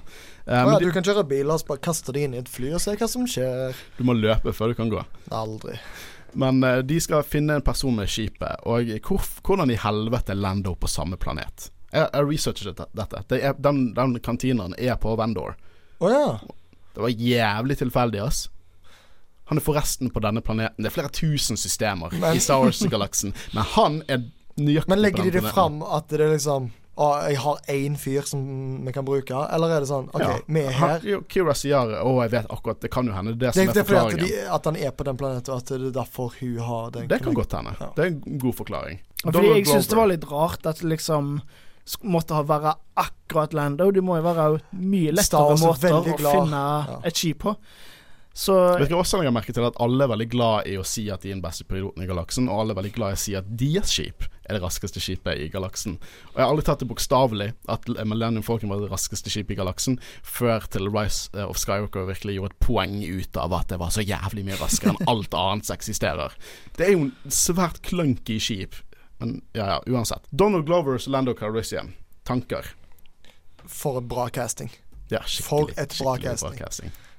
Uh, jeg føler at han liksom uh, gjør det til sin egen, men samtidig òg da ikke går for langt vekk. At han er akkurat så karismatisk som han skal være. Jeg kjøper Og han veldig som han. Og ikke at han stjeler showet, men han legger til det. Jeg, altså, før uh, jeg så filmen, så tenkte jeg sånn Det eneste som kommer til å være bra i denne filmen, kommer til å være Lando. Jeg tenkte, når en gang jeg hørte han skulle spille han, så tenkte jeg ja, det funker. Det funker. Og jeg, eh, jeg sa jo tidligere at det er litt sånn problemer med å forestille meg at jeg sa vel kanskje før sending. Det er problemer med å forestille meg at dette her er en del av Star Wars-universet. Jeg, jeg, eh, all canon så tenker jeg liksom sånn Dette har skjedd tidligere, denne tegneserien er canon det har skjedd. Jeg har litt problemer med å tenke meg at denne filmen har skjedd, litt fordi at Han Solo og Lando er allerede unge når vi møter dem, og nå er det andre skuespillere som spiller dem. Um, men Lando føles så naturlig ut. Uh, og jeg, jeg liker veldig godt den her introscenen når, når uh, han kommer inn, og så på en måte er det sånn western stance, og så ser du på en måte Lando mellom beina hans når han står Det er der. den, og, at Lando oser seksualitet. Han Ja. skal mellom beina. for å si det sånn, eh, jeg har en teori om at eh, det var Lando Calrissians seksuelle energi som samlet galaksen i Rise of Skywalker. Han løp vekk for å samle galaksen. De kom bare- tilbake med Lando. Kommer der og bare egentlig Han ringer egentlig til- etter booty call, Ja, ja. og så bare alle sånn Selvfølgelig. Selvfølgelig skal vi ha han har den gule jak eh, genseren eller jakken på, som Ja. også han bruker i Eller han bruker sikkert ikke akkurat det samme, han er litt mer chubby. Eh, det skjer når du blir gammel, selvfølgelig. Ja. I Rise of Skywalker, så den knytningen der, det digger jeg. Um, og eh, vi får denne her eh, introscenen der Han første gang møter Lando, og jeg, vi snakket jo litt om det før vi spilte inn. Lan, han går inn der og spiller litt om, så han sier So this is Sabak. It's Sabak, actually. Og så kaller Lando Han for Han. Som er bare en call Som en, Jeg, jeg syns det er en fin callback til hvorfor han gjør det i Empire. Og jeg vedder på at han gjorde sikkert egentlig ikke det i- Jeg tror det var bare Billy D som dret litt hvordan det var uttalt. Altså, Billy gjør de- det han bare forsto ikke helt hvordan han skulle uttale. Ja. Som er Og så gjør de det til en canon-ting. Jeg digger det. Ja. Sånn retconning der. jeg, det digger er, det. fordi det som gjør det da, er at det er liksom kompisforhold mellom deg, og han har sikkert Han kommer til å kalle han uh, Han for alltid, liksom. Ja, jeg synes det, Fordi det er har søtt dette øyeblikk som uh, de bygger opp til å være en canon som egentlig ikke var noe nødvendigvis forklaring på. Jeg tror synes, dere vi får en sånn retcon på hvorfor han der ene generalen kaller Leia for Lia? Eller at uh, Luke kaller Leia for Carrie. Når de, ja, jeg liker det. um, jeg liker også Jeg vet ikke hva som skjer når Sabak-spillet. Har ikke peiling på hva som skjer. jeg Det har lyst til å prøve det. Ja, det er jo faktisk spill man kan spille. symboler på kartene. og så det ene symbolet er bedre enn det andre. Vet du, Det er ikke så vanskelig å Jeg tror ikke det er så vanskelig, egentlig. Nei, det er det sikkert ikke. Men jeg, Tydeligvis syns det, fordi han jukser masse. ja, fy søren. Så men, jeg, det hadde vært gøyere hvis det var så å si like god, men at han juksa litt. Men jeg For føler at han er egentlig bedre. Ja, men at det, de, de burde vært mer equals. Men jeg, Jeg liker at han jukser. Jeg, jeg Jeg liker at han jukser. som Lando. Men Lando han. burde vært bitte litt bedre i spillet, føler jeg. Fordi jeg føler han lener seg på at han jukser. Ja, ikke sant. At han har skills, men i tillegg jukser. At han Jeg burde vært en jeg liker at han er bare en sketchy dude. Ass. Ja, det- men- og bare, og ja. Når du kommer inn der, så sier han sånn Hvordan skulle jeg vite at hun var en keiserlig spion? Jeg tror Ja, det- hun elsket meg. Jeg digger det. Og ja, hvordan han jeg kaller digger kokk, er. Kan si sånn Thanks, han. Nei, han som er honey til uh, en droide, sier han uh, drikker, liksom. Eh, og jeg, eh, jeg liker også uh, Han er så sjarmerende. Han er det. Å, han er skikk... Ah, nei, jeg Og liker det. chi- chipsene som de bruker, jeg tror det er ulik form av credits. For du ser blant annet Mandalorian Mythosaur på en av disse chipsene. Så er jo eh, Vi fikk jo vite nylig i Canon at det er ulik currency av credits. Og det snakker jo de om i Phantom Menace også, men Mandalorian currency på bordet. Som en kul liten detalj. Og jeg eh, eh, han kødda, eller på en måte bløffer jo med å si at han har en VCX 100, og det er jo Rebels-skipet. Som vi også så i Rogue One. Kul liten easter egg der også. Det er også en veldig kul karakter der, som er en levende hummer, som heter Therm Scissor Punch. En levende hummer. Han ser ut som en levende hummermann. Han heter Therm Scissor Punch. Ja, Passende navn, det. uh, jeg liker at det så, dette her er bare sånn Her er Prop Departmentet bare liksom brifer litt. Se alle disse praktiske aliensene vi har laget. Jeg elsker at du har bare sånn Ja, vi driver med praktiske effekter nå. Så det er, lille, det er en sånn fyr som bare spiser opp kortene sine. Kjempecheesy, men uh, kinda digger det. Ja, men det, det er fint. Che altså, Star Wars har lov til å være cheesy. Ja, det Star Wars skal være cheesy. Mm. Um, nå taper jeg selvfølgelig han, og jeg eh, Lando skal jo finne det igjen. Og som kommer backet inn, for de skal prøve å planlegge dette. Og vi får vite at Aura Singh hun døde offscreen, tydeligvis. Aura Singh er jo en uh, ganske kjent dusørjeger. Hun var med i så vidt i Phantom Menace, som fikk en dypere fortelling fordi at George likte designet hennes, rett og slett. Uh, hun trente opp blant annet Boba Fett i Clone Wars, uh, og hun døde offscreen av Beckett. Jeg har ikke noe problem med det. Jeg var ikke en stor fan av Aura Singh. Hvis du var en stor Aura Singh-fan, litt kjedelig å vite at hun døde offscreen. Bedyttet. Eh, vi får også se L337. Og du, Magnus, du anbefalte meg å se denne serien som kalles Fleabag. Mm. Eh, der Waller, Phoebe Waller-Bridge Phoebe Waller-Bridge. Som Ja. er et navn som alle bør legge merke til, fordi at eh, hun er on a rise. Ja, fy søren. Hun er dritflink, og etter jeg så Flyberg, setter jeg mer pris på L3 i solo. Ja. Det altså, vi kan jo egentlig anbefale alle som hører på nå, å se Flyberg. Det er veldig kort. Det er, en skikk, det, det er nesten en miniserie, to ja, det, det er en kort definert serie som òg nå er ferdig, så det er sånn Ja, det er en, det er en skikkelig, skikkelig bra serie, og hun, eh, hun spiller hovedperson der. Eh, og, eh, hun spiller en droid her. Og jeg synes den droiden er, er kanskje litt for mye veldig sånn Jeg vet ikke, Hun spøker om sånne equal rights og Ja. sånn hele tiden. Jeg tror faktisk mer på det etter jeg da har sett Fleabag. Ja, jeg også. Fordi at Phoebe er altså når, når jeg finner ut at ah, er det du som eh, leverer det, da er det mindre cheesy. Det føles litt som det har vært litt adlibs her. At han bare gått litt med det. Ja, ja. Nei, for hun var jo på sett med sånn masse sånn eh, Ja, for det, jeg synes at det er kanskje noen av de mest imponerende miksen av praktisk og, eh, og CGI-props. For hun har jo på seg alle disse mekaniske drakt, eh, delene, og så har hun på en måte en grønn drakt under. Og hun føles så til stede, noe som jeg syns enda mer enn eh, K2SO for Rogue One, syns jeg. Mm. synes hun, det, det føles til stede litt, for det er, de mikser litt. Du på en måte du, du, Den illusjonen av at det skal være ekte, på en måte blir veldig effektiv da når du har også praktiske effekter til stede. Vi så, jeg måtte undersøke dette, her for det fulle navnet til Lando Calrissian er Landonis Balthazar Calrissian. Å nei, det er for langt. Det må vi korte ned. Men selvfølgelig har han det navnet. Selvfølgelig har han, heter han Landonis Balthazar Calrissian. Det bare, det bare følger med. Jeg hadde ikke overrasket meg om at han, det er ingen, ingen av de navnene er ekte. Det er det han het. Han har bare laget det seg Ja. Han har lagd en eh, sånn Han har lagd en person, da. Det høres veldig classy ut. Altså. Ja, jeg syns det. Han han er jo en classy dude. Balt, altså. Eh, hun eh, Elstreel nevner jo faktisk Blackspire, at, eh, fordi de snakker om det at hun har så god sånn Navi computer, og eh, han kunne ikke komme seg til Blackspire. Og dere spør meg nå, hører jeg, hva er Blackspire? For Blackspire, det er på en planet som heter Batuu, aka Galaxy's Edge. En Ja. referanse til Galaxy's Edge Wow. i Solo. Ja, det er gøy at de gjør mer med Galaxy Edge. Ja, det er liksom Galaxy's Edge 2 skal liksom være canon, det skal være historier om det. Det blir nevnt i Det- Thrawn-bøkene. Det finnes en tegneserie om det. Ja, det, og det er veldig kult hvordan de behandler det. Vi, vi har jo sånn dagdrømmet om at vi har lyst til å dra dit en gang. Så En vakker dag. en vakker dag. Eh, og her kommer en av mine favorittøyeblikk i denne filmen. Uh, når de ser The Millennium Falcon for første gang. Med musikken. Ja. The Millennium Falcon. Jeg, jeg, jeg syns oppbyggingen òg er fin. Jeg syns det. Kjempefin. Det er liksom bare sånn Lando sier det sånn bare sånn Her er det. Ikke noe stort, men så kommer musikken inn. Han soloserer det første gang. Er det, er det litt på en sånn- er det, en, det er ikke en parkeringsplass, det er litt en skraphaug de Ja. er på. Som òg bare De sier ikke det sånn 'dette er en pile of junk', men det er bare sånn Det er blant skrot. Ja, og Millennium Falcon looks good. Det, det ser oh. veldig mye bedre ut under annet uh, styre enn han. For her er han liksom er en skitten ja, mann. Skitten, skitten mann. Skitten. Og uh, Lando han har jo tatt vare på dette skipet. Customized det. Det er bra at han sier at han har customized det. For når de slapp bilder av det skipet, så klikket jo fansen og sa Det er ikke sånn Millennium Falcon ser ut. At det går imot Cannon. Og så sier noen Kan dere tenke deg at Lando har kanskje customized det litt? Nei, det gir ikke mening. Lando har customized det. Hvem skulle se det, den komme her? For det har han gjort. Og det er en escape pod der. Det er Som inne gjør at designet i den originale gir litt mer mening òg. Men det, det var jo ikke meningen at det skulle være eh, escape pod der. Ikke Cannon heller. Det er jo en, en frakter som skal på en måte hekte seg fast til ah, ah. til space-containere og dytte de, men han har bare endret på det, sånn at det er en plass til en escape pod der. Ja. Og det var det som folk klikket vinkel over, da, men eh, godt at Lando forklarer det til oss, sånn at vi kan roe oss og ikke være sint den resten av filmen. um, det er også et kapperom, for selvfølgelig et kapperom. Selvfølgelig kapper. Det finnes fins en veldig sånn gøy diskokule som henger fra taket. Og Det finnes en uh, YouTube-video hvor Don Glover går rundt på med den Ja, ja. Altså sånn 'Dette er mine kapper'. Jeg ønsker det var leiligheten min. Ja. Jeg kunne bodd der inne.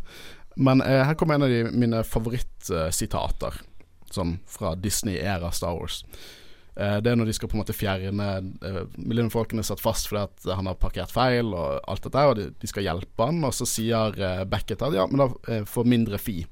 Og så sier han mens tar ut fingrene sine I don't like it, I don't agree with it, but I accept it. og det er du, du kan bruke det sitatet til hva som helst Ja. i ditt, i ditt liv. Og jeg syns det òg er veldig Lando. Ja, veldig Lando.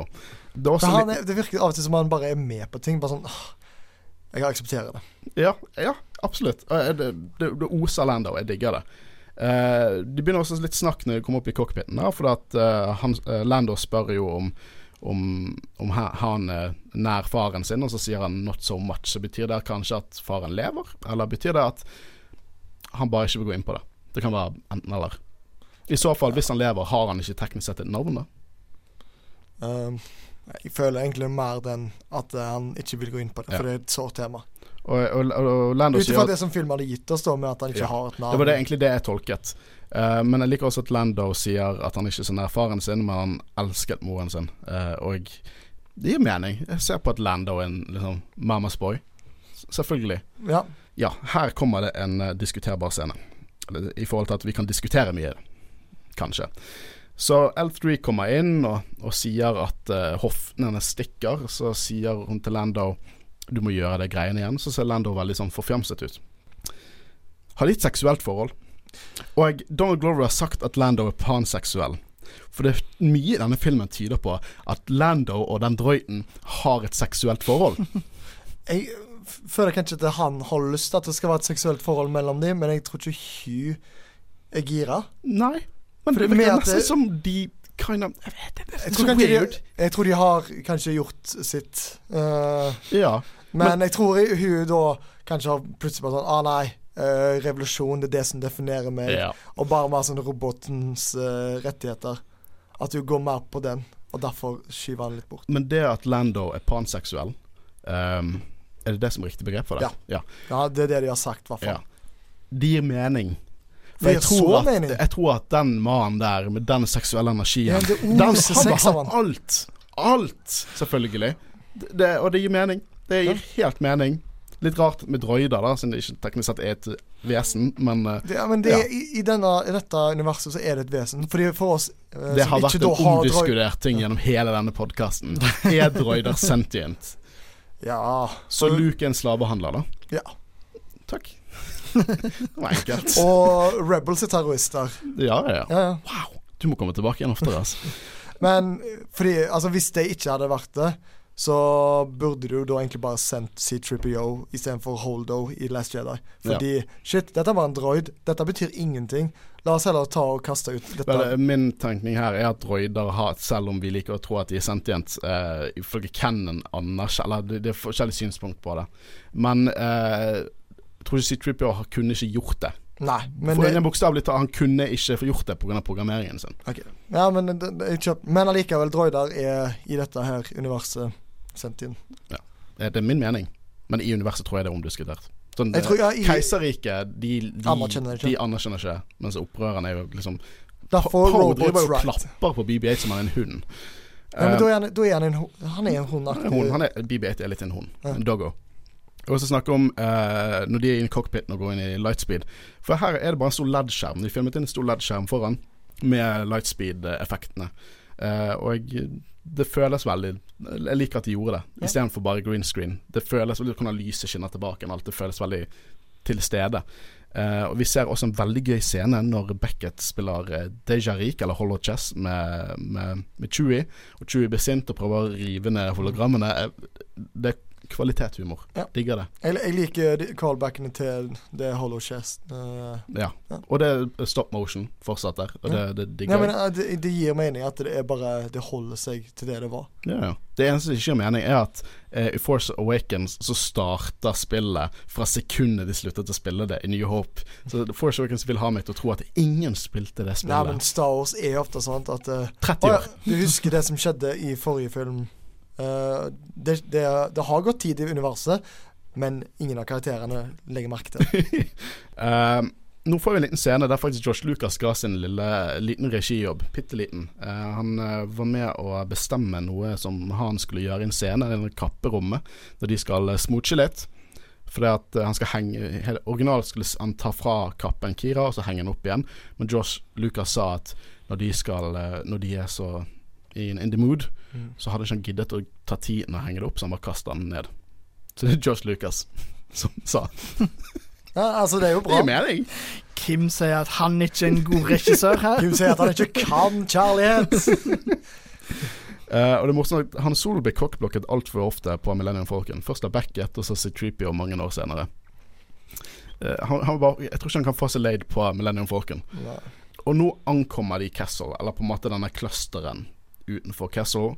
Eh, og jeg liker de små lysene som på en måte leder inn. Veldig sånn old school, sånn skipsfartopplegg. Sånn, det er kun mulig å komme seg inn her, ellers så Ja. eh, gir det ikke mening. Og det forklarer hvorfor dette med parsec. For parsec i Star Wars-universet også er avstand. Det er ikke tid, det er avstand. Ja. Og det er satt opp at du kun kan slå Castle-løpet på 20 parsec, parsecs, for det det er den ruten de har lagt der. Det gir fortsatt mening. Det gir mening. Ja. For og det er mange som har diskutert det helt siden uh, A New Hope. At Ja. det sånn, dette gir egentlig ikke mening. Fordi det er det jo distanse. For det Kessel-løpet er jo også et veldig ikonisk Han Solo-øyeblikk. Og det har vi hørt om mange ganger. Vi har hørt om det i Legends, vi har hørt om det i New Hope. Eh, og i Legend så var jo det at uh, de skulle prøve å fikse dette med Parsec, så det var det at han hoppet inn i wormholes for å komme seg forbi det Ja, fortere. Uh, og nå, nå håndterer de Kessel-løpet litt senere i filmen. Men Kessel det er også en, en planet. Og det er kanskje noen, en av de første samtaler vi hadde i denne podkasten. Da snakket vi om C3PO som var redd for å bli sendt til Spice Mines of Kessel. Vi fikk høre om dette her i New Hope. Det er en veldig ikonisk planet som ikke har besøkt, besøkt mye. Besøkt i Rebels. Dette er første gang vi ser det i live action. Og Ja, jeg, fordi eh, at han, de snakker om Castle Run i New Hope, og det kommer jo opp i Force Awakens og sånt. Ja da, og, og C3PO er så redd for å bli sendt dit og bli forklart de bruker masse droider til shady ting på Castle. Men igjen, da, altså hvis det ikke ligger i programmeringen hans, hvorfor er han redd for å komme der? Ja, Har han nytte? Ingenting i mening med C3PO. altså. Han er bare en løgner. Han er en forbanna løgner. så han ikke kan fortelle historier, det kan han. Uh, og uh, han kan ikke lyge om at han ikke er en gud Eller om at han er en gud til Ewoksene. Han vil bare han, han, han er en egoistisk son of a bitch, og det vet vi. Vi har mange timer om diskusjon. Vi, vi tror at C3PO blir brukt som sånn uh, anti-rebel-propaganda, så uh, imperiet er veldig redd ham. Ja. Så det gir mening. uh, men de besøker Castle. Jeg liker designet på Castle. Det er akkurat sånn som vi har sett i Rebels før. Helt identisk. Og jeg liker at Lando sier at mining colonies de er de verste. det kaller jeg ironi. Ja, det er nok et øyeblikk som på en måte føles litt vel on the nose. ja. Uh, jeg er også veldig glad for at vi endelig får se en Pike i live action. Uh, han, uh, direktøren der, Quai, to Toolsite, han er en, en, en Pike. Og de Vet du hvorfor de har sånne rare masker? For jeg antar at det ikke Det, de ser ut som en droid omtrent. Jeg vet det, og jeg er litt, jeg er litt skuffet at vi ikke fikk se på en måte faktisk fjeset hans. Men det er masker som de ofte går med. I, I Clone Wars så har de lignende masker. Denne her er bare litt minimalist i forhold til det. Eh, vanskelig å forklare det. Men de, det er en type maske de ofte går med. Gjør Kira narr av prequels nå? Altså, hva tenker du på? Når hun begynner å snakke om at hun er liksom Hun er ambassadøren of the Vice Admiral of on Transport ja, uh, kanskje et eller annet. det. Bare sånn. ekstremt avansert forklaring på det. Det er jo mulig. Jeg følte kanskje hun gjorde litt narr av prequels. Liker også drakten til Lando. Nei, drakten til, uh, til Beckett. Han tar på seg en drakt. Det er samme rustningen som Lando bruker i Return of the Jedi. Ja, men det gir mening at ja. da den ligger i Millennium Ja, han har den på spare bounty hunter-gear der. Ja, bare sånn, ah, altså hvorfor Det er litt sånn den scenen igjen i Force Awakens hvor uh, da Finn finner den ja, ballen som Luke har brukt til øving. Ting ligger der bare. Ja. Så, den, for den scenen likte jeg også veldig godt. Ja, fordi, men det føles naturlig, og at denne drakten da ligger der, kan til og med være at uh, ja, det, det, er derfor. Jeg vet ikke om jeg trengte en forklaring på hvordan han hadde Nei, men, men det, det, er en av de få sånne uh, referansene til, til originaltrilogien ja. som ikke Som føles ut som at det er en grunn til at han er der. Ja. Det, det, gir mer, det, gir mer, betydning til det, kanskje, ja. når det kommer tilbake igjen. Jeg liker også at uh, direktøren forklarer de alt om sikkerhetsprotokoller, uh, disse besøkende folkene han aldri har sett før. Sånn, OK, her styrer vi mange med få. Nå vet dere det. Please, ikke gjør noe shady. det var bra. Bare ikke gjør noe shady. bare ikke gidd. Come on. Uh, og uh, Chewie og Land og Han endelig drar han av armene på en person. Å oh, ja, for det har vi òg hørt om tidligere. Men jeg liker den klisjé-dodge her. For selvfølgelig, det er alltid når folk går undercover, så finner de en drakt som passer perfekt til de. Ja. Du ser det i New Hope. Nå, det, nå sier uh, han Faen, det var den uniformen som hadde passet meg. Nå vet jeg på meg denne oversized piece of shiten her. Ja, det, men det er gøy. Men det er bare det fordi at vi har hørt det sånn ah, 20 river av armer hvis han blir sur vi må passe oss. Men jeg, jeg, hadde ikke trengt å se det. Du hadde ikke trengt å se det, nei. For jeg klarer veldig fint å se det for meg, at denne store bjørnen kan, kan bare rive av armer. Jeg, jeg kan likte deg. Ja, jeg, jeg humret når jeg så det, liksom. Ja. Det, men det var, det var, ikke, det var ikke stor scenete, på en måte. Nei, nei, altså, altså likte jeg den uniformgreien. Jeg syns det var sånn anti-cheese-dodge. Uh, og det, det, er jo De er ikke gale. Det er en av de minst sånne ja. in your face-tingene. Det er bare fordi det er så mange av de, kanskje. Det er, bare, ja, det er fordi ja. at nå er jo sånn Ok, jeg har skjønt hva dere ja, holder på med. Jeg er veldig enig i den. Men det var veldig kjapp og enkel òg, da. Fordi at den gikk òg da inn i den Å ja, den hadde passet meg perfekt. Ja. Uh, apropos referanser. Uh, Kira banker jo opp uh, Toolsite, uh, og hun bruker Terras Kasi. Ja, fra det gamle spillet, ikke det? Ja, en gammel, gammel bok og et gammelt spill som var sånn Tekken-klone. Og det er en absurd referanse, ass. Og jeg digger det. Terras Kasi! Jeg lo så høyt da jeg sa det første gang. Folk så på meg som jeg var gal. Men uh, Terras Kasi, kjempedårlig Du er sikkert den eneste i kinosalen som skjønte det. jeg tror det.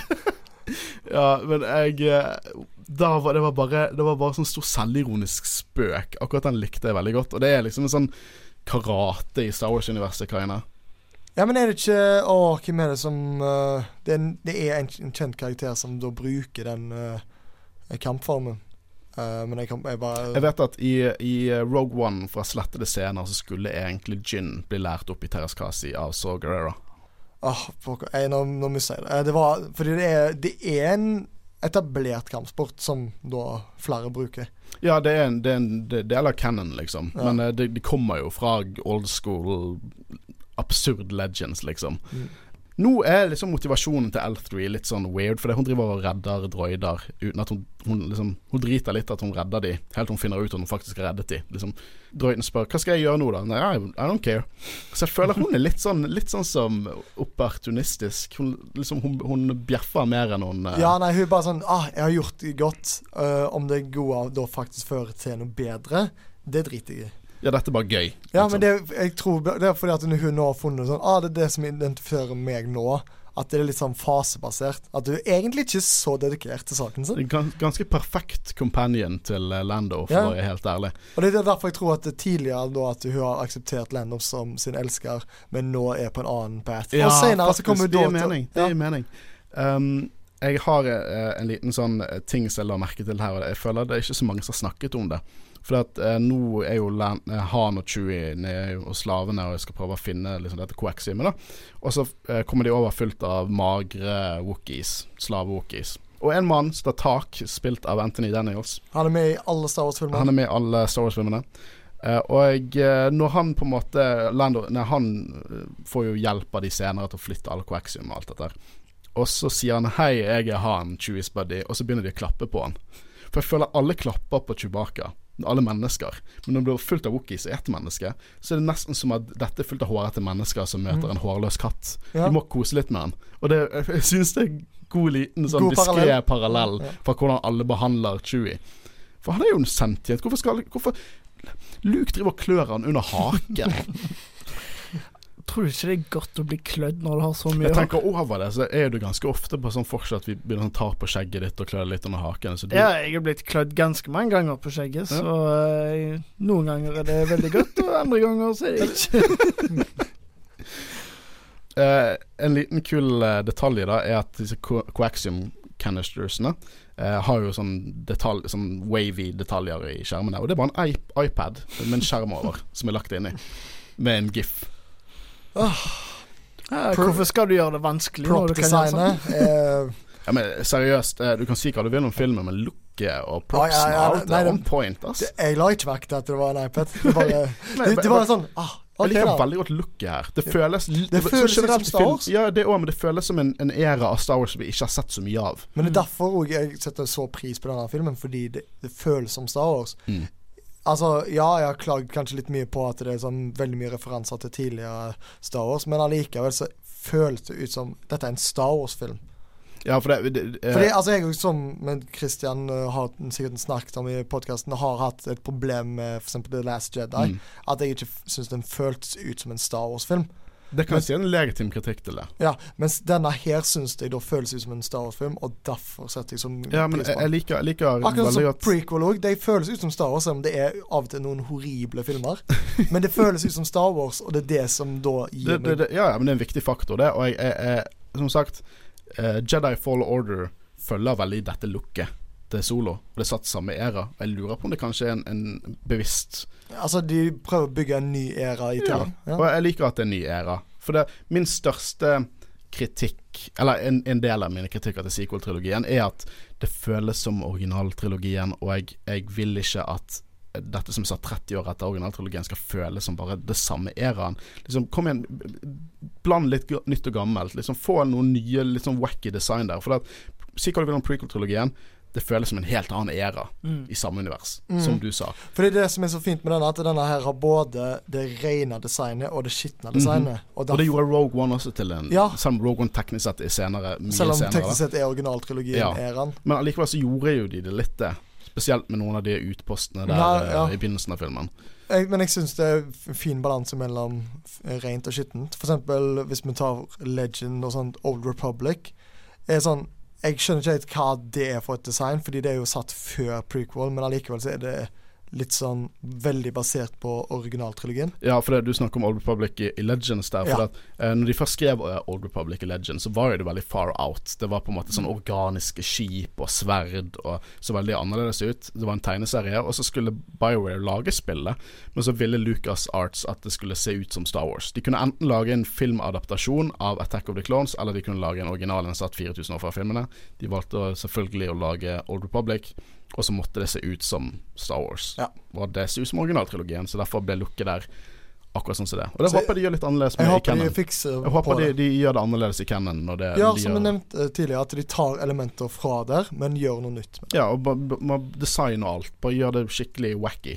Uh, vi får en liten eh, enda en absurd referanse, fordi at uh, Calrissian begynner å snakke om sånn The Calrissian Chronicles, mens han spiller inn eh, live, live hologram av seg sjøl. Det er så Lando. Jeg digger det. Det er jo en bok fra tidligere Jeg vet det, det er en bok fra 1983, liksom. Calrissian Chronicles. Og eh, det, der synes jeg det viser skuespillerchopsene til eh, Donald Glover. For det, det kunne fort blitt superdårlig, ass. Holy shit. Men han nailer det. Ja, ja. Han vet akkurat hvor han skal med det, uh, alt han får.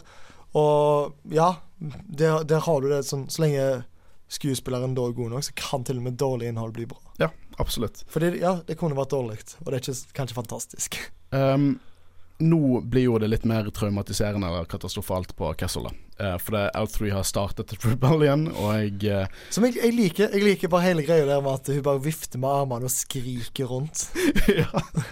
Jeg digger det. Jeg syns det er kjempegøy, og jeg eh, Faktisk så har jeg blitt såpass glad i L3 i ettertid eh, når jeg på en måte har sett filmen flere ganger, at det, det er trist noen dør. Og jeg, Jeg blir mer trist når hun dør, enn når uh, Rio og Val dør ja, faktisk. i filmen. Ja. Og, Fordi man har tilbrakt tid med L3. og spesielt når Lando eh, eh, reagerer på det. Når Han løper ut og holder liksom det som er i restene. Det var sånn brutalt når han- når han på en måte dro henne fra hverandre.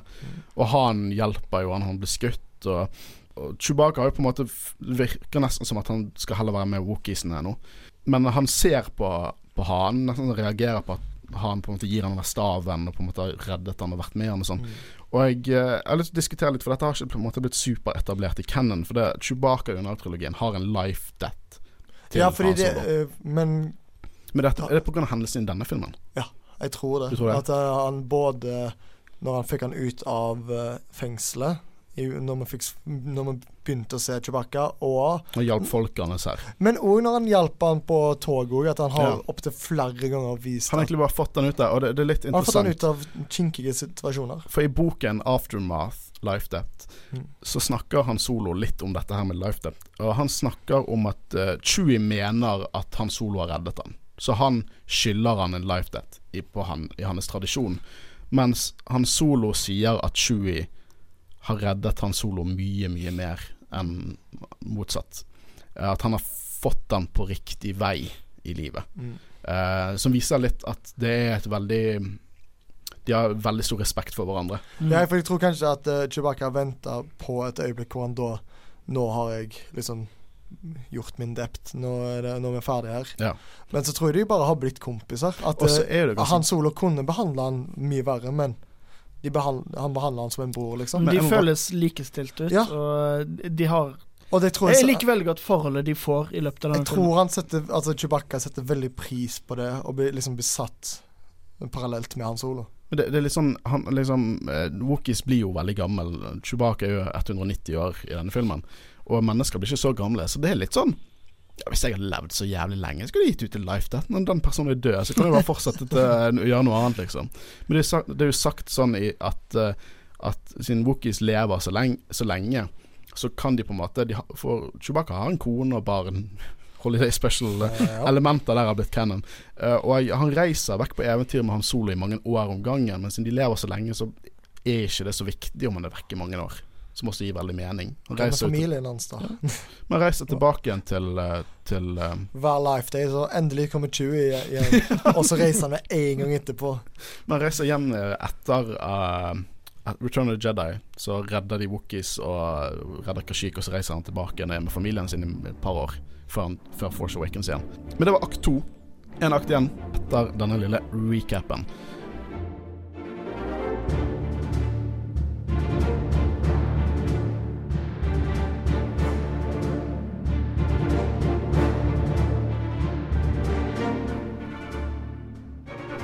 Crewet unnslipper Kessel, men blir møtt av en blokade fra The Empire.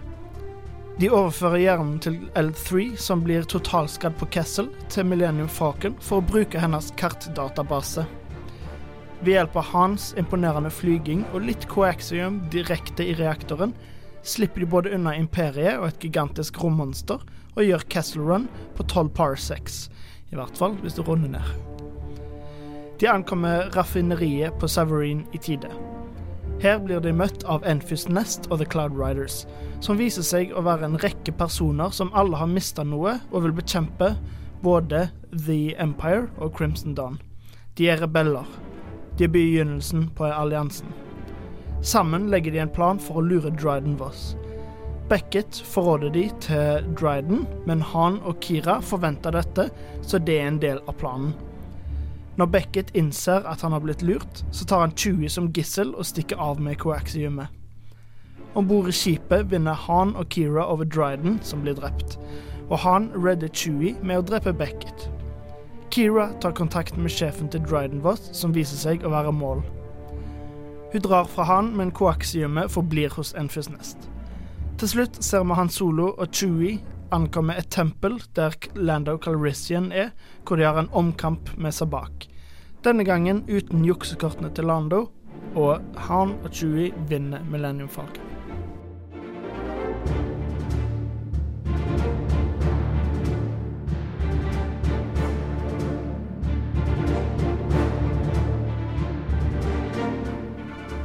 Så The Castle Run. Vi har hørt om uh, dette her uh, lenge. Vi har hørt om New Hope har vi hørt om Castle Run, og nå ser vi det første gang i Cannon.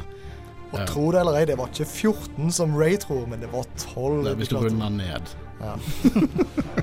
Eh, det begynner med at de reiser ut. Vi ser en keiserlig blokade, så det sier jo det at uh, keiserriket hadde noen geiter i løpet når det gjaldt den lille operasjonen på Castle. Tror du det er pga. coaxium, eller tror du det er pga. Spice?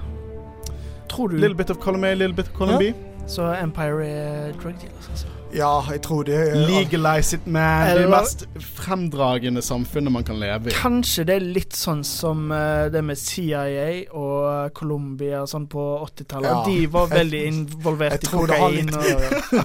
At det var lønnsomt for dem. Jeg liker at du trekker sånne referanser. Det var kjempegøy. uh, du får se en ny Tie Fighter. Jeg skjønner ikke hvorfor det skal være en ny Tie Fighter, for den er så vidt med, men det er The Tie Brute. Litt sånn som uh, altså, nye Troopers. Jeg vet men jeg føler at den kanskje hadde hatt egentlig en større rolle i en tidligere kutt av filmen, men så fjernet de det. Av uh, Lord Miller-cutten. ja, kanskje. Release the Lord Miller-cut. uh, men hvis vi skal snakke om uh, litt informasjon om denne her Thai Brute, eller en Thai slash RB Heavy Starfighter. Den har mer rustning, mer firepower, og den har en laserkanon på ene på en måte vingen.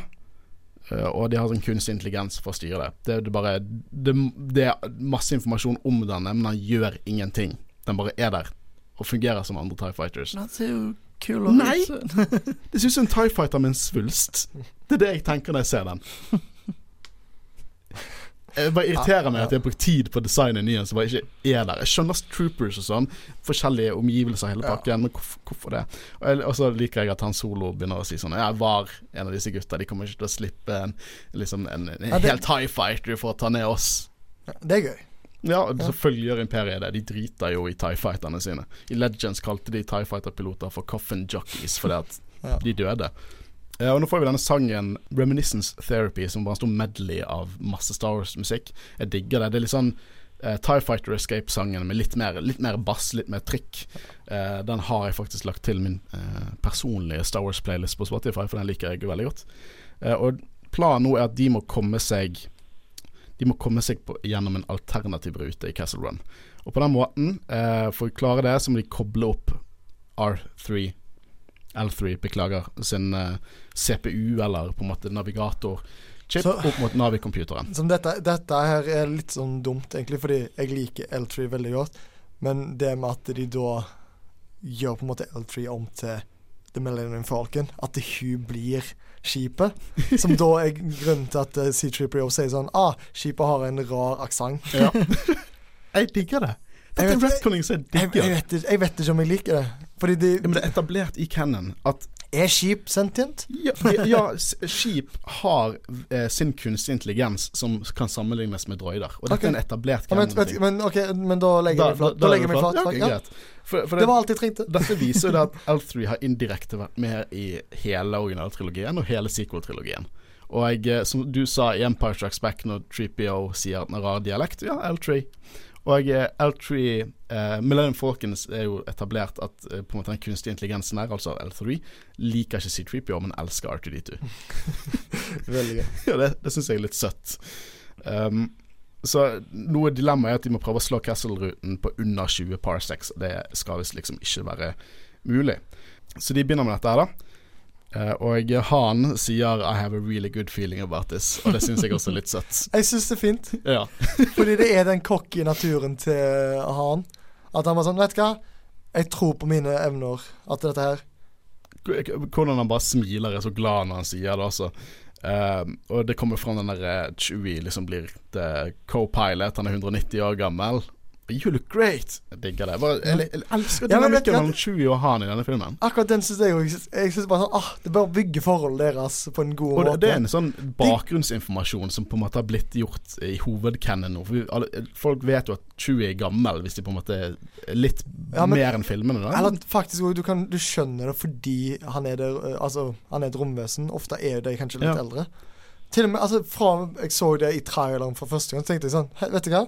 Jeg liker det. Og eh, litt denne filmen gjør at jeg anerkjenner litt at han hadde en lederrolle på Kashik. Ja. For det, han, er, han er en gammel Wookie. Jeg vet ikke hvor gammel de kan bli, men han er jo en en godt voksen Wookie, og han eh, Du ser at han har på en måte motivasjon om å passe på stammen sin, og hvordan han vil hjelpe disse slave-wookiene. Så jeg, anerkjenner det at han, han hadde en rolle som i lederskapet. Litt er- teit at han, han har møtt Yoda personlig, for å være helt ærlig. Litt teit, men jeg anerkjenner det. Men det er prequelsen sitt problem. Ja, du vet at eh, Han Solo skulle egentlig være med i episode tre. Japp. Er så Takk. Å Ja, og så glemte han hva Jedis var. Han skulle Ja. være med på Kashik. Jeg er glad han Med ikke er det. Yoda. Med Yoda. Åh, Ja, bare la den synke inn. Tenk, Ja. tenk hvis det var realiteten. fy faen. Uh, men uh, det er en liten referanse til Back to the Future her. Vi har vært gjennom den krangelen. Jeg har ikke sett Back to the Future. Mm. Men, ja, uh, Needles. Ja, Needles. Mm. Kan du forklare oss den referansen? Ja, i Back to the Future så, så får du i, i film nummer to vite at Marty McFly var med i et uh, street race med en som heter Needles, der han krasja i en bil og gjorde at han Både det at han ble skada, men at han måtte betale for bilen til den andre. Og Og måtte bare slutte slutte drømmene sine. Han Mm. kunne aldri bli musiker. Han måtte bare jobbe på en kjedelig kontorjobb. Og det får han vite når han er i fremtiden, og så reiser han tilbake i tid, og så gjør han ikke det racet likevel, fordi han vet at det ødelegger. Eh, så det er bare det en Gøy liten referanse, da. Mm. Men, ja, men hva, er, altså, hva er referansen i Star Wars? For jeg Det- kjenner referansen, men Det er jo når han skal eh, lande med denne folken på en live asteroide og blåse fullt av debris på TIE Fighterne bak seg. ja. Han sa han skal gjøre som uh, en god venn av han Needles gjorde uh, med street racing på Corellia, og døde. Oh, han ja. døde mens han gjorde det, liksom. Okay, ja, men det er en gøy referanse. Ja. Eh, og vi kommer til denne The Maw, en sånn gravitasjonsbrønn. Og The Maw er noe som eksisterte i Legends. Veldig absurd del av Star Wars. Mer absurd enn vi har noen gang snakket om av Star Wars. For her trekker, trakk Legends inn Lovecraftian horror. For i The Maw, det var et eh, fangehull, gravitasjonsfangehull, for en, en entity som het Abeloth. Som var liksom eh, Force, ingenting funket på henne, og hun på en måte hadde ikke en fast form, og folk ble gale. Det er veldig weird Star Wars, og de lagde, de lagde en sånn stasjon for å opprettholde den entityen som er flere tusen år gammel, og plutselig så blir hun sluppet ut mot universet igjen. Dette Legends i canon er litt enklere. De, det er på en måte hjemmet til Eller området hjemmet til en Summa Verymoth. En, eh, under eh, produksjonen ble det kalt en Spaceopus. Ja. Ja, det er en stor eh, Space ja, stor, egentlig ganske Lovecraftian squid i space. Og jeg, dette er weird Star Wars. Og uh, weird Star Wars og Star Wars alltid har vært weird. Det er monster som lever i space. Det er en del av Star Wars. Og nå kan denne filmen altså sjekke av sjekklisten sin. Stort monster, check. Ja. Det, det, Det trenger ikke mer enn det. Stort monster, det trenger ikke være et tidligere monster. Det funker. Ja, og eh, nå eh, skal jo på en måte Nå fikser Kaina indirekte solo hele Millennium Falcon. Sakte, men sikkert så blir det mer ikonisk Millennium Falcon. Radar Som jeg liker. Jeg, jeg liker. Ja, og han skyter den escape-poden inn i munnen til um, denne spacebussen, som faller inn i Gravity Well og får huden sin revet av. Veldig uh, absurde greier. Og for de skal liksom De skal ta coaxium og dryppe det ned i hyperdriven. Ja, i, i selve reaktoren, Ja. de sier jo eh, Gjør veldig stort poeng ut av at hvis de tar det rett i drivstoffet, da Igjen, ikke. skulle vært der. Ja. Rett i drivstoffet. Og han kommer til å bli så sint når han hører denne episoden. Gladsint, da, selvfølgelig. Ja. Uh, men uh, de kommer seg akkurat ut. Uh, selvfølgelig er det Millennium som bryter ned, og han den klassiske du-du-du-du-du. Før den bare booster ut derifra. Eh, og det er kult i Battlefront 2 kan du De hadde en sånn solo-DLC i måneder. Og da kan du spille som originale folken, og da had, har du det som en sånn move, at du bare sånn booster deg framover. Med samme lyd og alt. Eh, og å holder på å si oh, Han holder på å si 'oh shit' der. Han sier 'oh shit'. Det er gøy at de bare kutter det, bare sånn, fordi de kan jo ikke ha det. Nei, de kan ikke ha det. Eh, nå kommer vi til vår uh, nest siste planet, teknisk sett, Savarine. Og jeg liker hvordan uh, det første Solo gjør. Ellen sier da, dere må jo ha klart vi må refinere dette her, og det holder på å eksplodere, bla, bla, bla. Men så begynner han å skryte over at han klarte å slå uh, Castle Run på 12 parsecs. Og så retter. Chewie på han, ja, hvis du runder ned, buddy. For selvfølgelig er ikke det helt korrekt, Nei, sant? nei. Igjen, det er den gode følelsen han hadde. Mm. At det er i, Altså, det er ikke in your face. Det er bare sånn Dette er karakteren til Han Solo. Ja. Selvfølgelig mener han dette. Ja, han er, bare, han er bare veldig glad og litt sånn, litt sånn guttunge opp mot slutten av Ja. denne filmen. Uh, og jeg liker også den der uh, Lando som sier 'I hate you' når han ser på Lennon-folken. I know. Det Jeg syns det funker! Jeg synes det funker helt fint. det er en god referanse, fordi det er kjapt og enkelt. Ja. Og i karakter Jeg, jeg bare, ok, med Han nå hopper jeg til en annen film. I Rise of Skywalker. Når, eh, når uh, liksom minnet av Han Solo sier 'I know', når Ben prøver liksom å si, si liksom hva han føler til han. Jeg tolket ikke det som en teit referanse til 'I know'. Jeg tolket det som at en At han, faren på en måte visste hva han følte. Men folk ble litt sint over at han sa 'I know' der. Tenkte dere over det når han sa det? i filmen? Ikke. Det gjorde ikke jeg i det hele tatt. Fordi det er naturlig. Det er en ganske naturlig ting å si. Mm. I know. Ja. Jeg, jeg har sagt det, jeg vet ganske mange ganger. Ja, nei, det er naturlig for Han Solo. Ja. Han, Han det, vet han, er sånn. Han er veldig simpel. Bare sånn Ja, jeg vet. Ja, og, og dette eh, i forhold til han Solo-karakteren, for nå har han en liten samtale med Kira. eh, og jeg, hun sier at hun er kanskje den eneste galaksen som vet hvem han egentlig er. Og hvem er det? The good guy. Og det syns jeg er litt on the nose. Uh, det syns jeg er litt, ganske on the nose, egentlig. Ikke, jeg har ikke noe problem med det, for gjennom hele filmen så har du Og til og med Ja, det viser han, jo at han er good guy. han trenger ikke å komme tilbake uh, i A New Hope, Eh, Nei, men han gjør det. Kanskje dette her ligger da bak i hodet hans. Bare sånn Å ja, Kira sa det, at jeg er good guy. Kanskje jeg skal revurdere. Ja, for det er jo hele deal at hun vil jo ikke at han skal være i dette livet. Og Beckett har jo advart han tidligere. Hvis du først er i dette livet, så er det kanskje du snur det tilbake. Og ironisk nok, han er jo i det livet helt The Force Awakens når han dør, egentlig. Vi har også vet at brandy er noe som er i Star Wars-universet. Drinken brandy. De nevner det. Ah. Kan jo hende at det er en annen type brandy. At Det er litt sånn som når de blå nevner eller noe sånt. Calf. Calf. Det er kaffe i Star Wars-universet. Hvorfor heter det calf? Calf? Kunne ikke kalt det noe helt annet enn calf. Te skjønner jeg, for det er et konsept. Ja. Det er ikke kaffe. Kaffe er jo Jeg vet ikke. Det er et konsept. Det er vann og planter. Men uansett, det er ikke det vi snakker om. Nei, vi, Eh, vi skal ikke gå inn på det. Nå blir det en liten veldig western standoff, så selvfølgelig har jo Enfis Fisnes dukket opp. Hun har jo tracket skipet. Eh, Det så vi når de var på Vendor. Eh, Og han gjør sin beste han og bjeffer, men ingen ting med det. Og sier at de har 30 mercenaries på det skipet der nede, og så flyr Lando vekk. Også kvalitetshumor. Jeg Ja. liker det. Faktisk. Det var, det var veldig, veldig bra.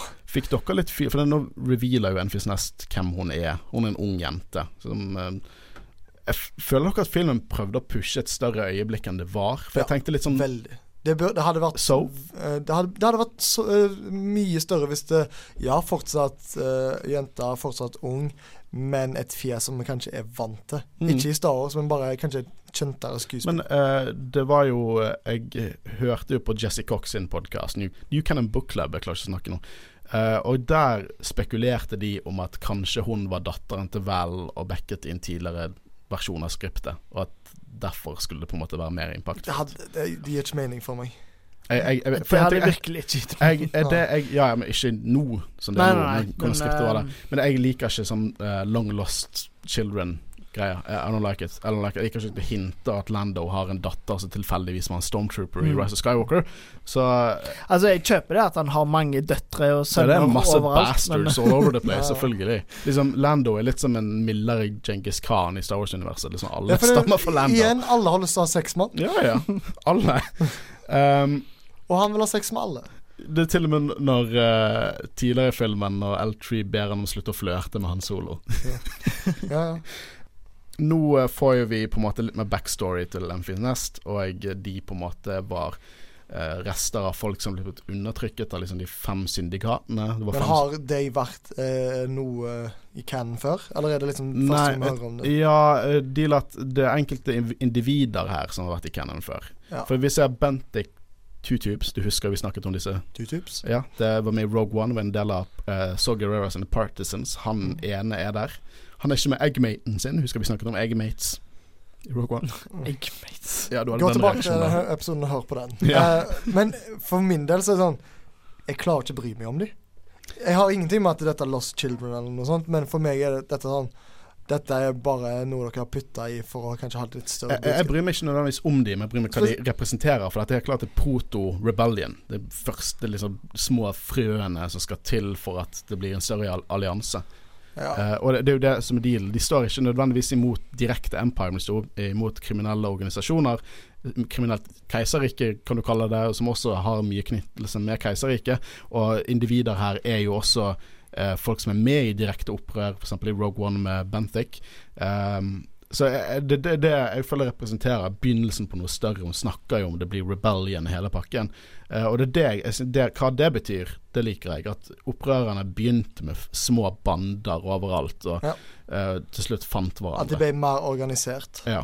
Og eh, vi ser også Weasel, spilt av Warwick Davis. Og Weasel var sist med i Phantom Menace, også spilt av Warwick Davis. Så det er samme karakter? Den samme karakter. Ok. Mm, han satt og så på uh, The Bonta Eve uh, podcast. Podrace. Now Eh, this is podcasting. ja, det. Når han faktisk viser fjeset sitt, Ja. så er, spiller han samme karakter. Jeg liker det. Det er ikke noe fokus der, liksom, men han spiller Og han har kul, liten, nesten sånn Boba Fett tribal-rustning. Kjempekult. Nå er jo det på en måte de ønsker å få hjelp fra Han Solo, og jeg tror det er sant, ja, men tror du Han Solo tenker praktisk nå, eller hjelper han de ut ut ifra sitt hjerte, basically? Jeg føler litt det som Kira sa, at han er good guy. Jeg føler på en måte at han trenger ikke å gjøre det, men Men òg litt det at han har sett hva både The Empire gjør, og han har på en måte sett hva uh, Crimson Dawn kan gjøre, og alt mulig sånn. Så jeg tror han gjør det fordi han har lyst. Ja, jeg tror han gjør det litt for, på grunn av A og litt på grunn av B. Ja, Mm. litt A, og litt B. Um, Beckett nevner jo Tatooine og en big shot gangster nå, og det er litt trist å høre, for det, det, han snakker jo om Jabba the Hutt, helt klart, og. Tatooine, og en film som vi aldri fikk. For jeg var helt sikker at det skulle være oppfølgeren til den filmen. Eller kan jo hende vi får det i en annen form. Vi får jo også Kanskje Disney Pluss kommer inn og bare Det hadde jeg ikke sagt nei til, altså. Nei. Uh, og vi får jo en bok som går mer inn på Crimson Dawn snart. Uh, kanskje noe nydelig canon der inne. Um, nå er jo Han Solo og Kira Chewie tar med seg eh, Quaxum inn til Dryden Voss. Han skal lure, de skal lure han. Um, jeg har litt spørsmål til planen, for han skal gi det ekte Quaxiumet til Dryden, og så skal de Opprørerne har noen sånn landsbyboere som har kledd seg ut som de som har tomme esker, men involverer ikke dette her at han Solo må of vite at Beckett er forræder? Nei, han har jo med seg våpen inn der, så kanskje han bare forventet å minke de da og skyte de ned der inne. Never mind. Det funker, det funker. Det har vært verre planer i Star Wars, sånn som i episode 6. Tror nok Fordi han sier jo det at uh, Det er jo veldig mye foreshadowing tidligere med det at Beckett sier at uh, 'trust no one' og Ja. alt med det der. Så jeg jeg har alltid tolka det sånn at han regnet med at Beckett kom til Og nevner jo å sånn predictable og hele pakken der. Mm. Det er litt, litt sånn Littlefinger i Game of Thrones, at Ja. du skjønner at han er en, Jeg skjønner, en slange. Det, for Beckett er jo også Det var jo en tidligere karakter i Legend som var på en måte Becketts mentor til, eh, til, til han, og han forrædet han. Så jeg tror veldig mange antok at Beckett også kom til å forræde han. Ja. Um, jeg liker nå at uh, Kira begynner å snakke om hvor mye Han Solo ikke vet. Så 'you know nothing, Han Solo', sier Khaleesi fra Game of Thrones til uh, Han Solo. Okay. Uh, Dryton nevner, spør om de har lyst på Colo Clawfish fra Phantom Menace. Svære fisken fra Phantom Menace. Det er en Colo Clawfish. Eh, og det viser seg at Beckett er forræder. Jeg liker også veldig godt skuespillet til, uh, til eh, Paul Bettany når han sier sånn 'Å, de ser ekte ut'. Liksom, ja, det trodde jeg. De ser så ekte ut. Uh, jeg synes han gjør en god jobb med det han får i den filmen. Han kunne, jeg kunne likt å se han litt mer, men Men samtidig så føler jeg ikke at filmen trenger det heller. Jeg føler at rollen er stor nok at de ikke gjør for mye ut av at Mm. han er Paul Bettany. Og han er jo bare en pawn. Han har jo hin hintet til uh, at han jobber for noen større tidligere i filmen. Uh, alt dette ender jo med at Beckett tar Chewie, uh, går derifra, og Kira dreper Dryton Voss og jeg sier du må løpe etter Chewie, redde han, jeg skal plukke opp disse diamantene som vi kan kjøpe oss inn nytt et skip. Og så kommer den største reveal i denne filmen, som jeg ikke hadde sett komme i det hele tatt. Jeg tror ingen Altså ingen klarte å se dette for seg. N- Jeg, Nada. jeg, jeg tror ikke på noen som er sånn Å nei, jeg, jeg Nei, det, det finnes ingen kunne sett denne komme. ass. Eh, og det er litt min kritikk til, eh, til denne at det på enkelte måter så gjør det universet veldig lite. For hvem faen skulle gjette at Darth Maul er med i samme filmen som omhandler Han Solo? Oh, ok, men det går fint. Det er Maul, ikke Darth Maul, men Maul. Ja. Han er sjefen til Kira, og Kira vil helt klart stige i ranken her. Eh, hologrammet han spilt av Ray Park, gode gamle Ray Park, og enda gøyere, stemmen til Sam Whitwer, som er Maul i Clone Wars og Rebels. Med en gang jeg hørte stemmen til Whitwer, så var det sånn holy shit, det er Maul. Han sitter der med robotbeina sine, han har Inquisitor-lightsaberen sin. Eh, jeg bryr meg nesten ikke om at han bare igniter lightsaberen sin i et hologram foran ingen, fordi at jeg bare digger det. Han Eh, må jo virke truende, vet du. Så. jeg tror de, de gjorde det for at folk skulle skjønne det var Darth Maul. Men jeg tror jo at det Ja, det kanskje ikke gir mening i universet, men allikevel så er det ganske bra sånn Og vi har liksom Duel of the Fates i bakgrunnen. Ja. eh, Skikkelig kult. Han ser er skikkelig veldig bra scene. Ja, han snakker om at du må komme til Dathomir, og vi skal, eh, du skal jobbe nærmere meg. Og Maul han har jo gjennom Clone Wars styrt Mandalore, en kriminelt organisasjon. Han tapte Mandalore under The Siege of Mandalore, noe vi kommer til å få se i Clone Wars. eh, og vært etablert i Cannon lenge. Og nå har man startet på nytt med Crimson Dawn, antar jeg. Mm. For å si det sånn, eh, mest sannsynlig får vi ikke en oppfølger til denne, i hvert fall ikke filmformat, men Maul sin historie er konkludert. I Rebels, og det er Men- noe denne filmen gjør veldig bra. Går det ikke an å få noe det som skjer mellom Jo, det er helt klart noe, noe tomrom der. Fordi visste vi at han var på en måte lederen av Crimson Dawn? Nei, det visste vi ikke. Nei, Så det er, jo, det er jo en historie som kan bli fortalt. Det som er bra med denne, er at den bygger bro mellom live action-filmene og uh, Clone Wars og Rebels. Absolutt. For det, det, det syns jeg genitrekker de. For det her er mål med, og eh, mange, mange, mesteparten av de som så den filmen sikkert, hadde ikke peiling på at Mål levde. Folk kommer til å søke Mål Alive, finner de Clone Wars og Rebels, som er nydelige Star Wars-historier, og bare masse med mål, der han faktisk blir en skikkelig dyp karakter, i motsetning til det han var i Phantom Menace. Og det er det denne filmen gjør skikkelig bra. Det er gateway drug inn til det større universet. Eh, det syns den gjør kjempebra. Eh, jeg har ikke lyst til å gå inn på historien til Mål etter dette. Jeg har lyst til at vi skal spare det til eh, når vi skal dekke Rebels, for vi skal dekke Rebels. Eh, det er en såpass god historie at hvis ikke dere har sett eh, Rebels, så må dere gjøre det. For bare Ja, det er noen shitty episoder i Rebels, akkurat som i Clone Wars, men når det er bra, så slår det hardt. Det, det er skikkelig bra. Nå får vi også Han Solo mot Beckett. Den reddet litt mange her, for Han Solo skyter først. Men uh, de gjør ikke en stor deal ut av det. Jeg er så Han- glad for at ingen sier han- 'I shot first'. det, for det, det hadde ikke vært overraskende. Det, det hele solo-scenen altså, hadde med- faen ikke vært overraskende. Med alt man har fått tidligere i filmen, så hadde det vært sånn Hvis han var sånn I guess I shot first. Noe sånt. Ja, jeg tror det er nesten det som tipper det. Hvis de han hadde sagt det, så hadde alle disse referansene vært uakseptabelt for meg. Mm. Hadde, det hadde vært Ja, gale. fordi nå er det bare sånn De de er litt mye, men jeg aksepterer. Ja. Men, men jeg liker veldig godt den scenen. Det er veldig han solo. Mm. Eh, han skyter bekken mens han snakker, liksom. Bare ikke noe tvil der. Han har lært av han. Eh, jeg liker også scenen når han dør. Det er liksom veldig ekte, føler jeg. Han sier at han, han ville egentlig bare lære seg å spille Valaccord og på en måte leve i fred. Jeg tror han Jeg eh, liker veldig godt Jeg liker Beckett for hva han er. Eh, jeg tror ikke liksom Jeg tror ikke Woody Harrelson liksom tok sjelen sin inn, inn i dette. her Nei. Woody Harrison er liksom som bare dukker opp, og så gjør han tingene sine.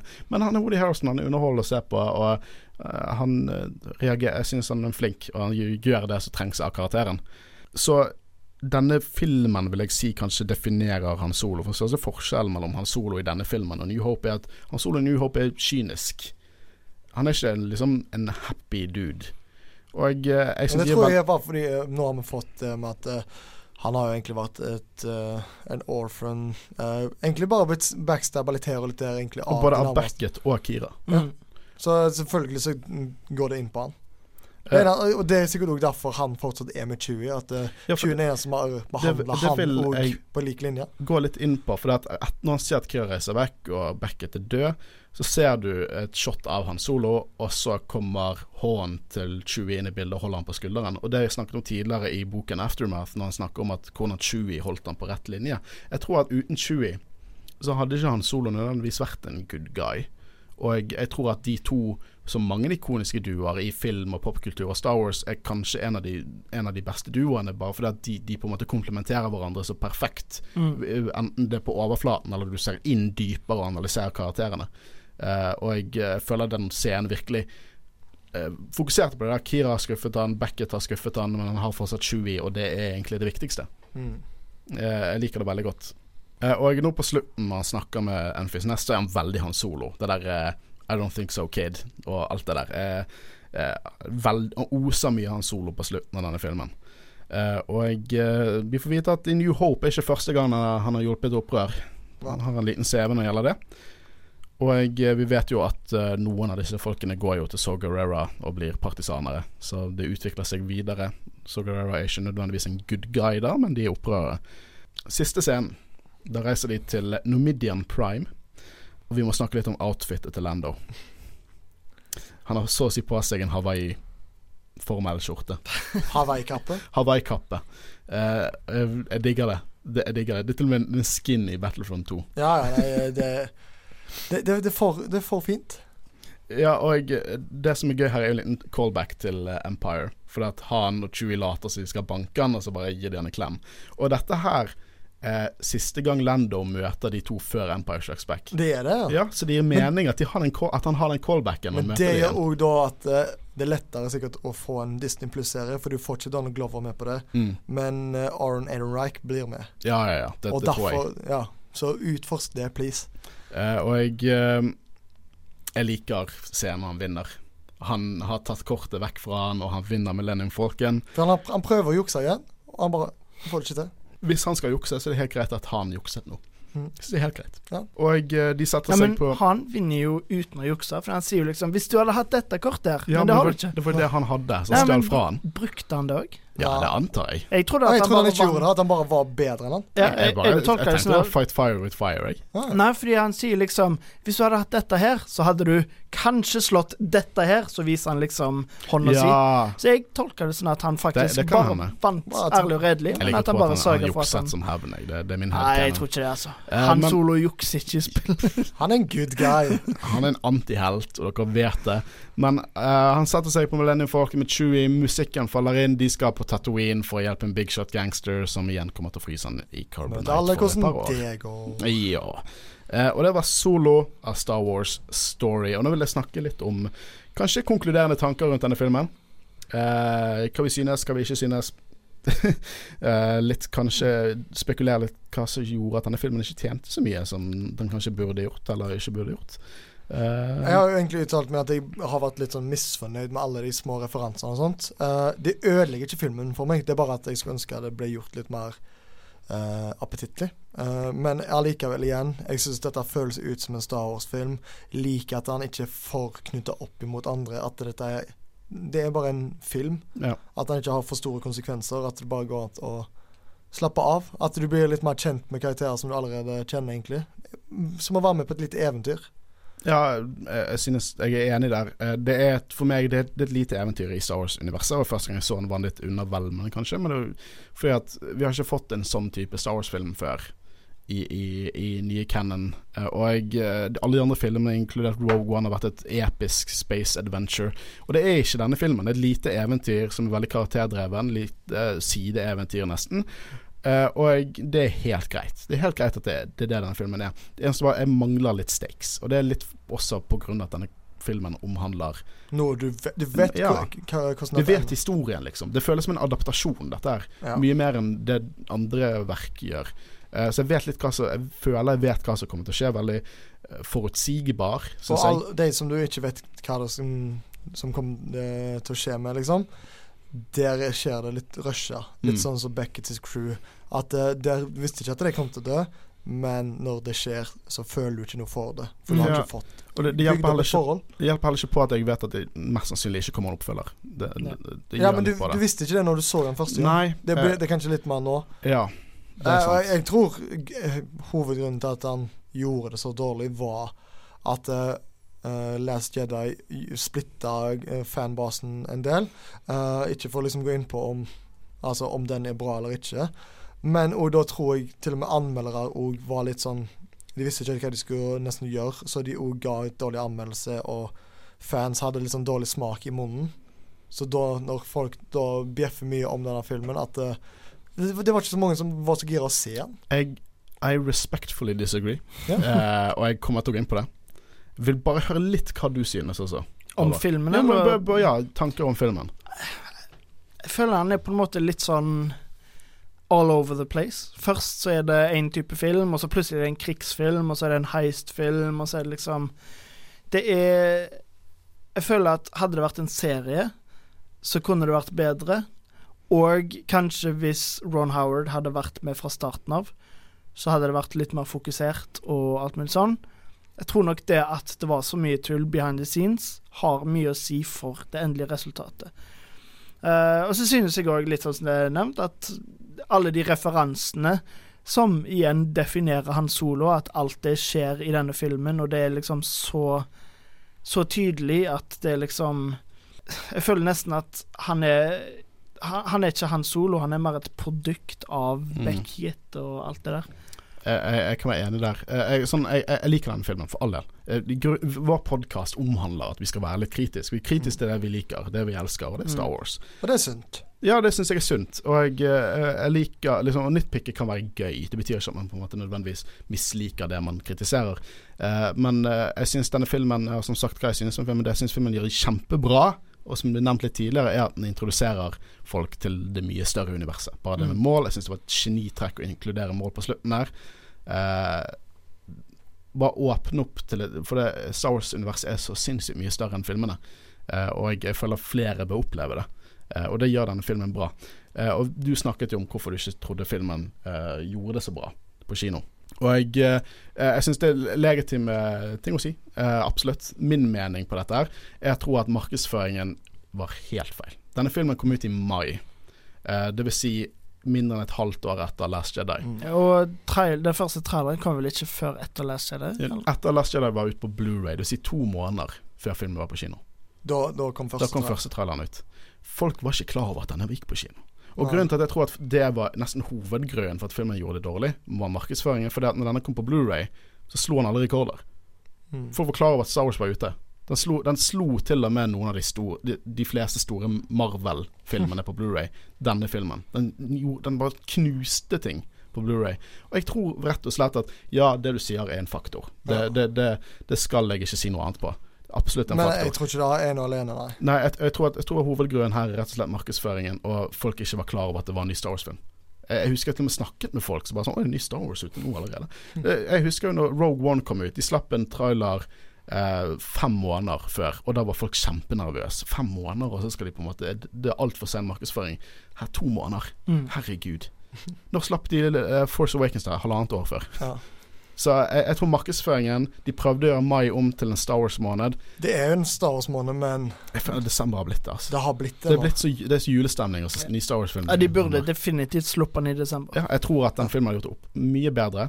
Men eh, for å si det sånn, hvis denne filmen hadde gjort det kjempebra, så hadde de gått ut med mange andre serier. De hadde sikkert produsert eh, Boba Fett-filmen. Og hvis de hadde produsert Boba Fett-filmen, så nekter jeg å tro at vi hadde fått The Mandalorian, og jeg vil mye mer ha den serien enn jeg vil ha en Boba Fett-film.